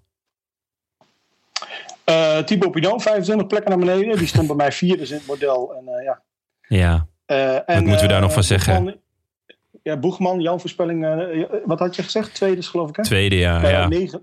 ja, klopt. ja, dat was een... Die was in mijn... Die, had, die, die, die, die, zat toch minder lekker in zijn in zijn boegmannetje dan, uh, dan dat hij eruit zag. Oké, okay, ja, uh, ja, die is uiteindelijk die is 34ste geworden, geloof ik. Hè? Wel een mooi nummer. Ja, jammer. Dankjewel. Wij, gaan, uh, wij gaan nog even einvoelen en verstehen. Ja, dat, uh, dat kratje bier, dat, uh, dat regelen we onderling nog wel even. Hè? Volgens mij heb ik gewoon gewonnen dat namelijk, dus uh, dat komt wel goed. Wat was, de, wat was de voorspelling? nee, we, hadden, we, hebben allebei een, we hebben allebei een top 10 samengesteld. Ik, ja, ik vraag me af wie er het meest ver vanaf zit, maar... ja, we hebben allebei wel een paar uitvallers. ja, dat zit, het, het ziet er niet best uit, moet ik eerlijk bekennen. Mm. Ja. Nou, dan moeten we nog even gaan turven. Dan. Wij, uh, ik heb je nog wel even. Kom goed. Spreek je weer. Oké, okay. joe. Jo, hoi.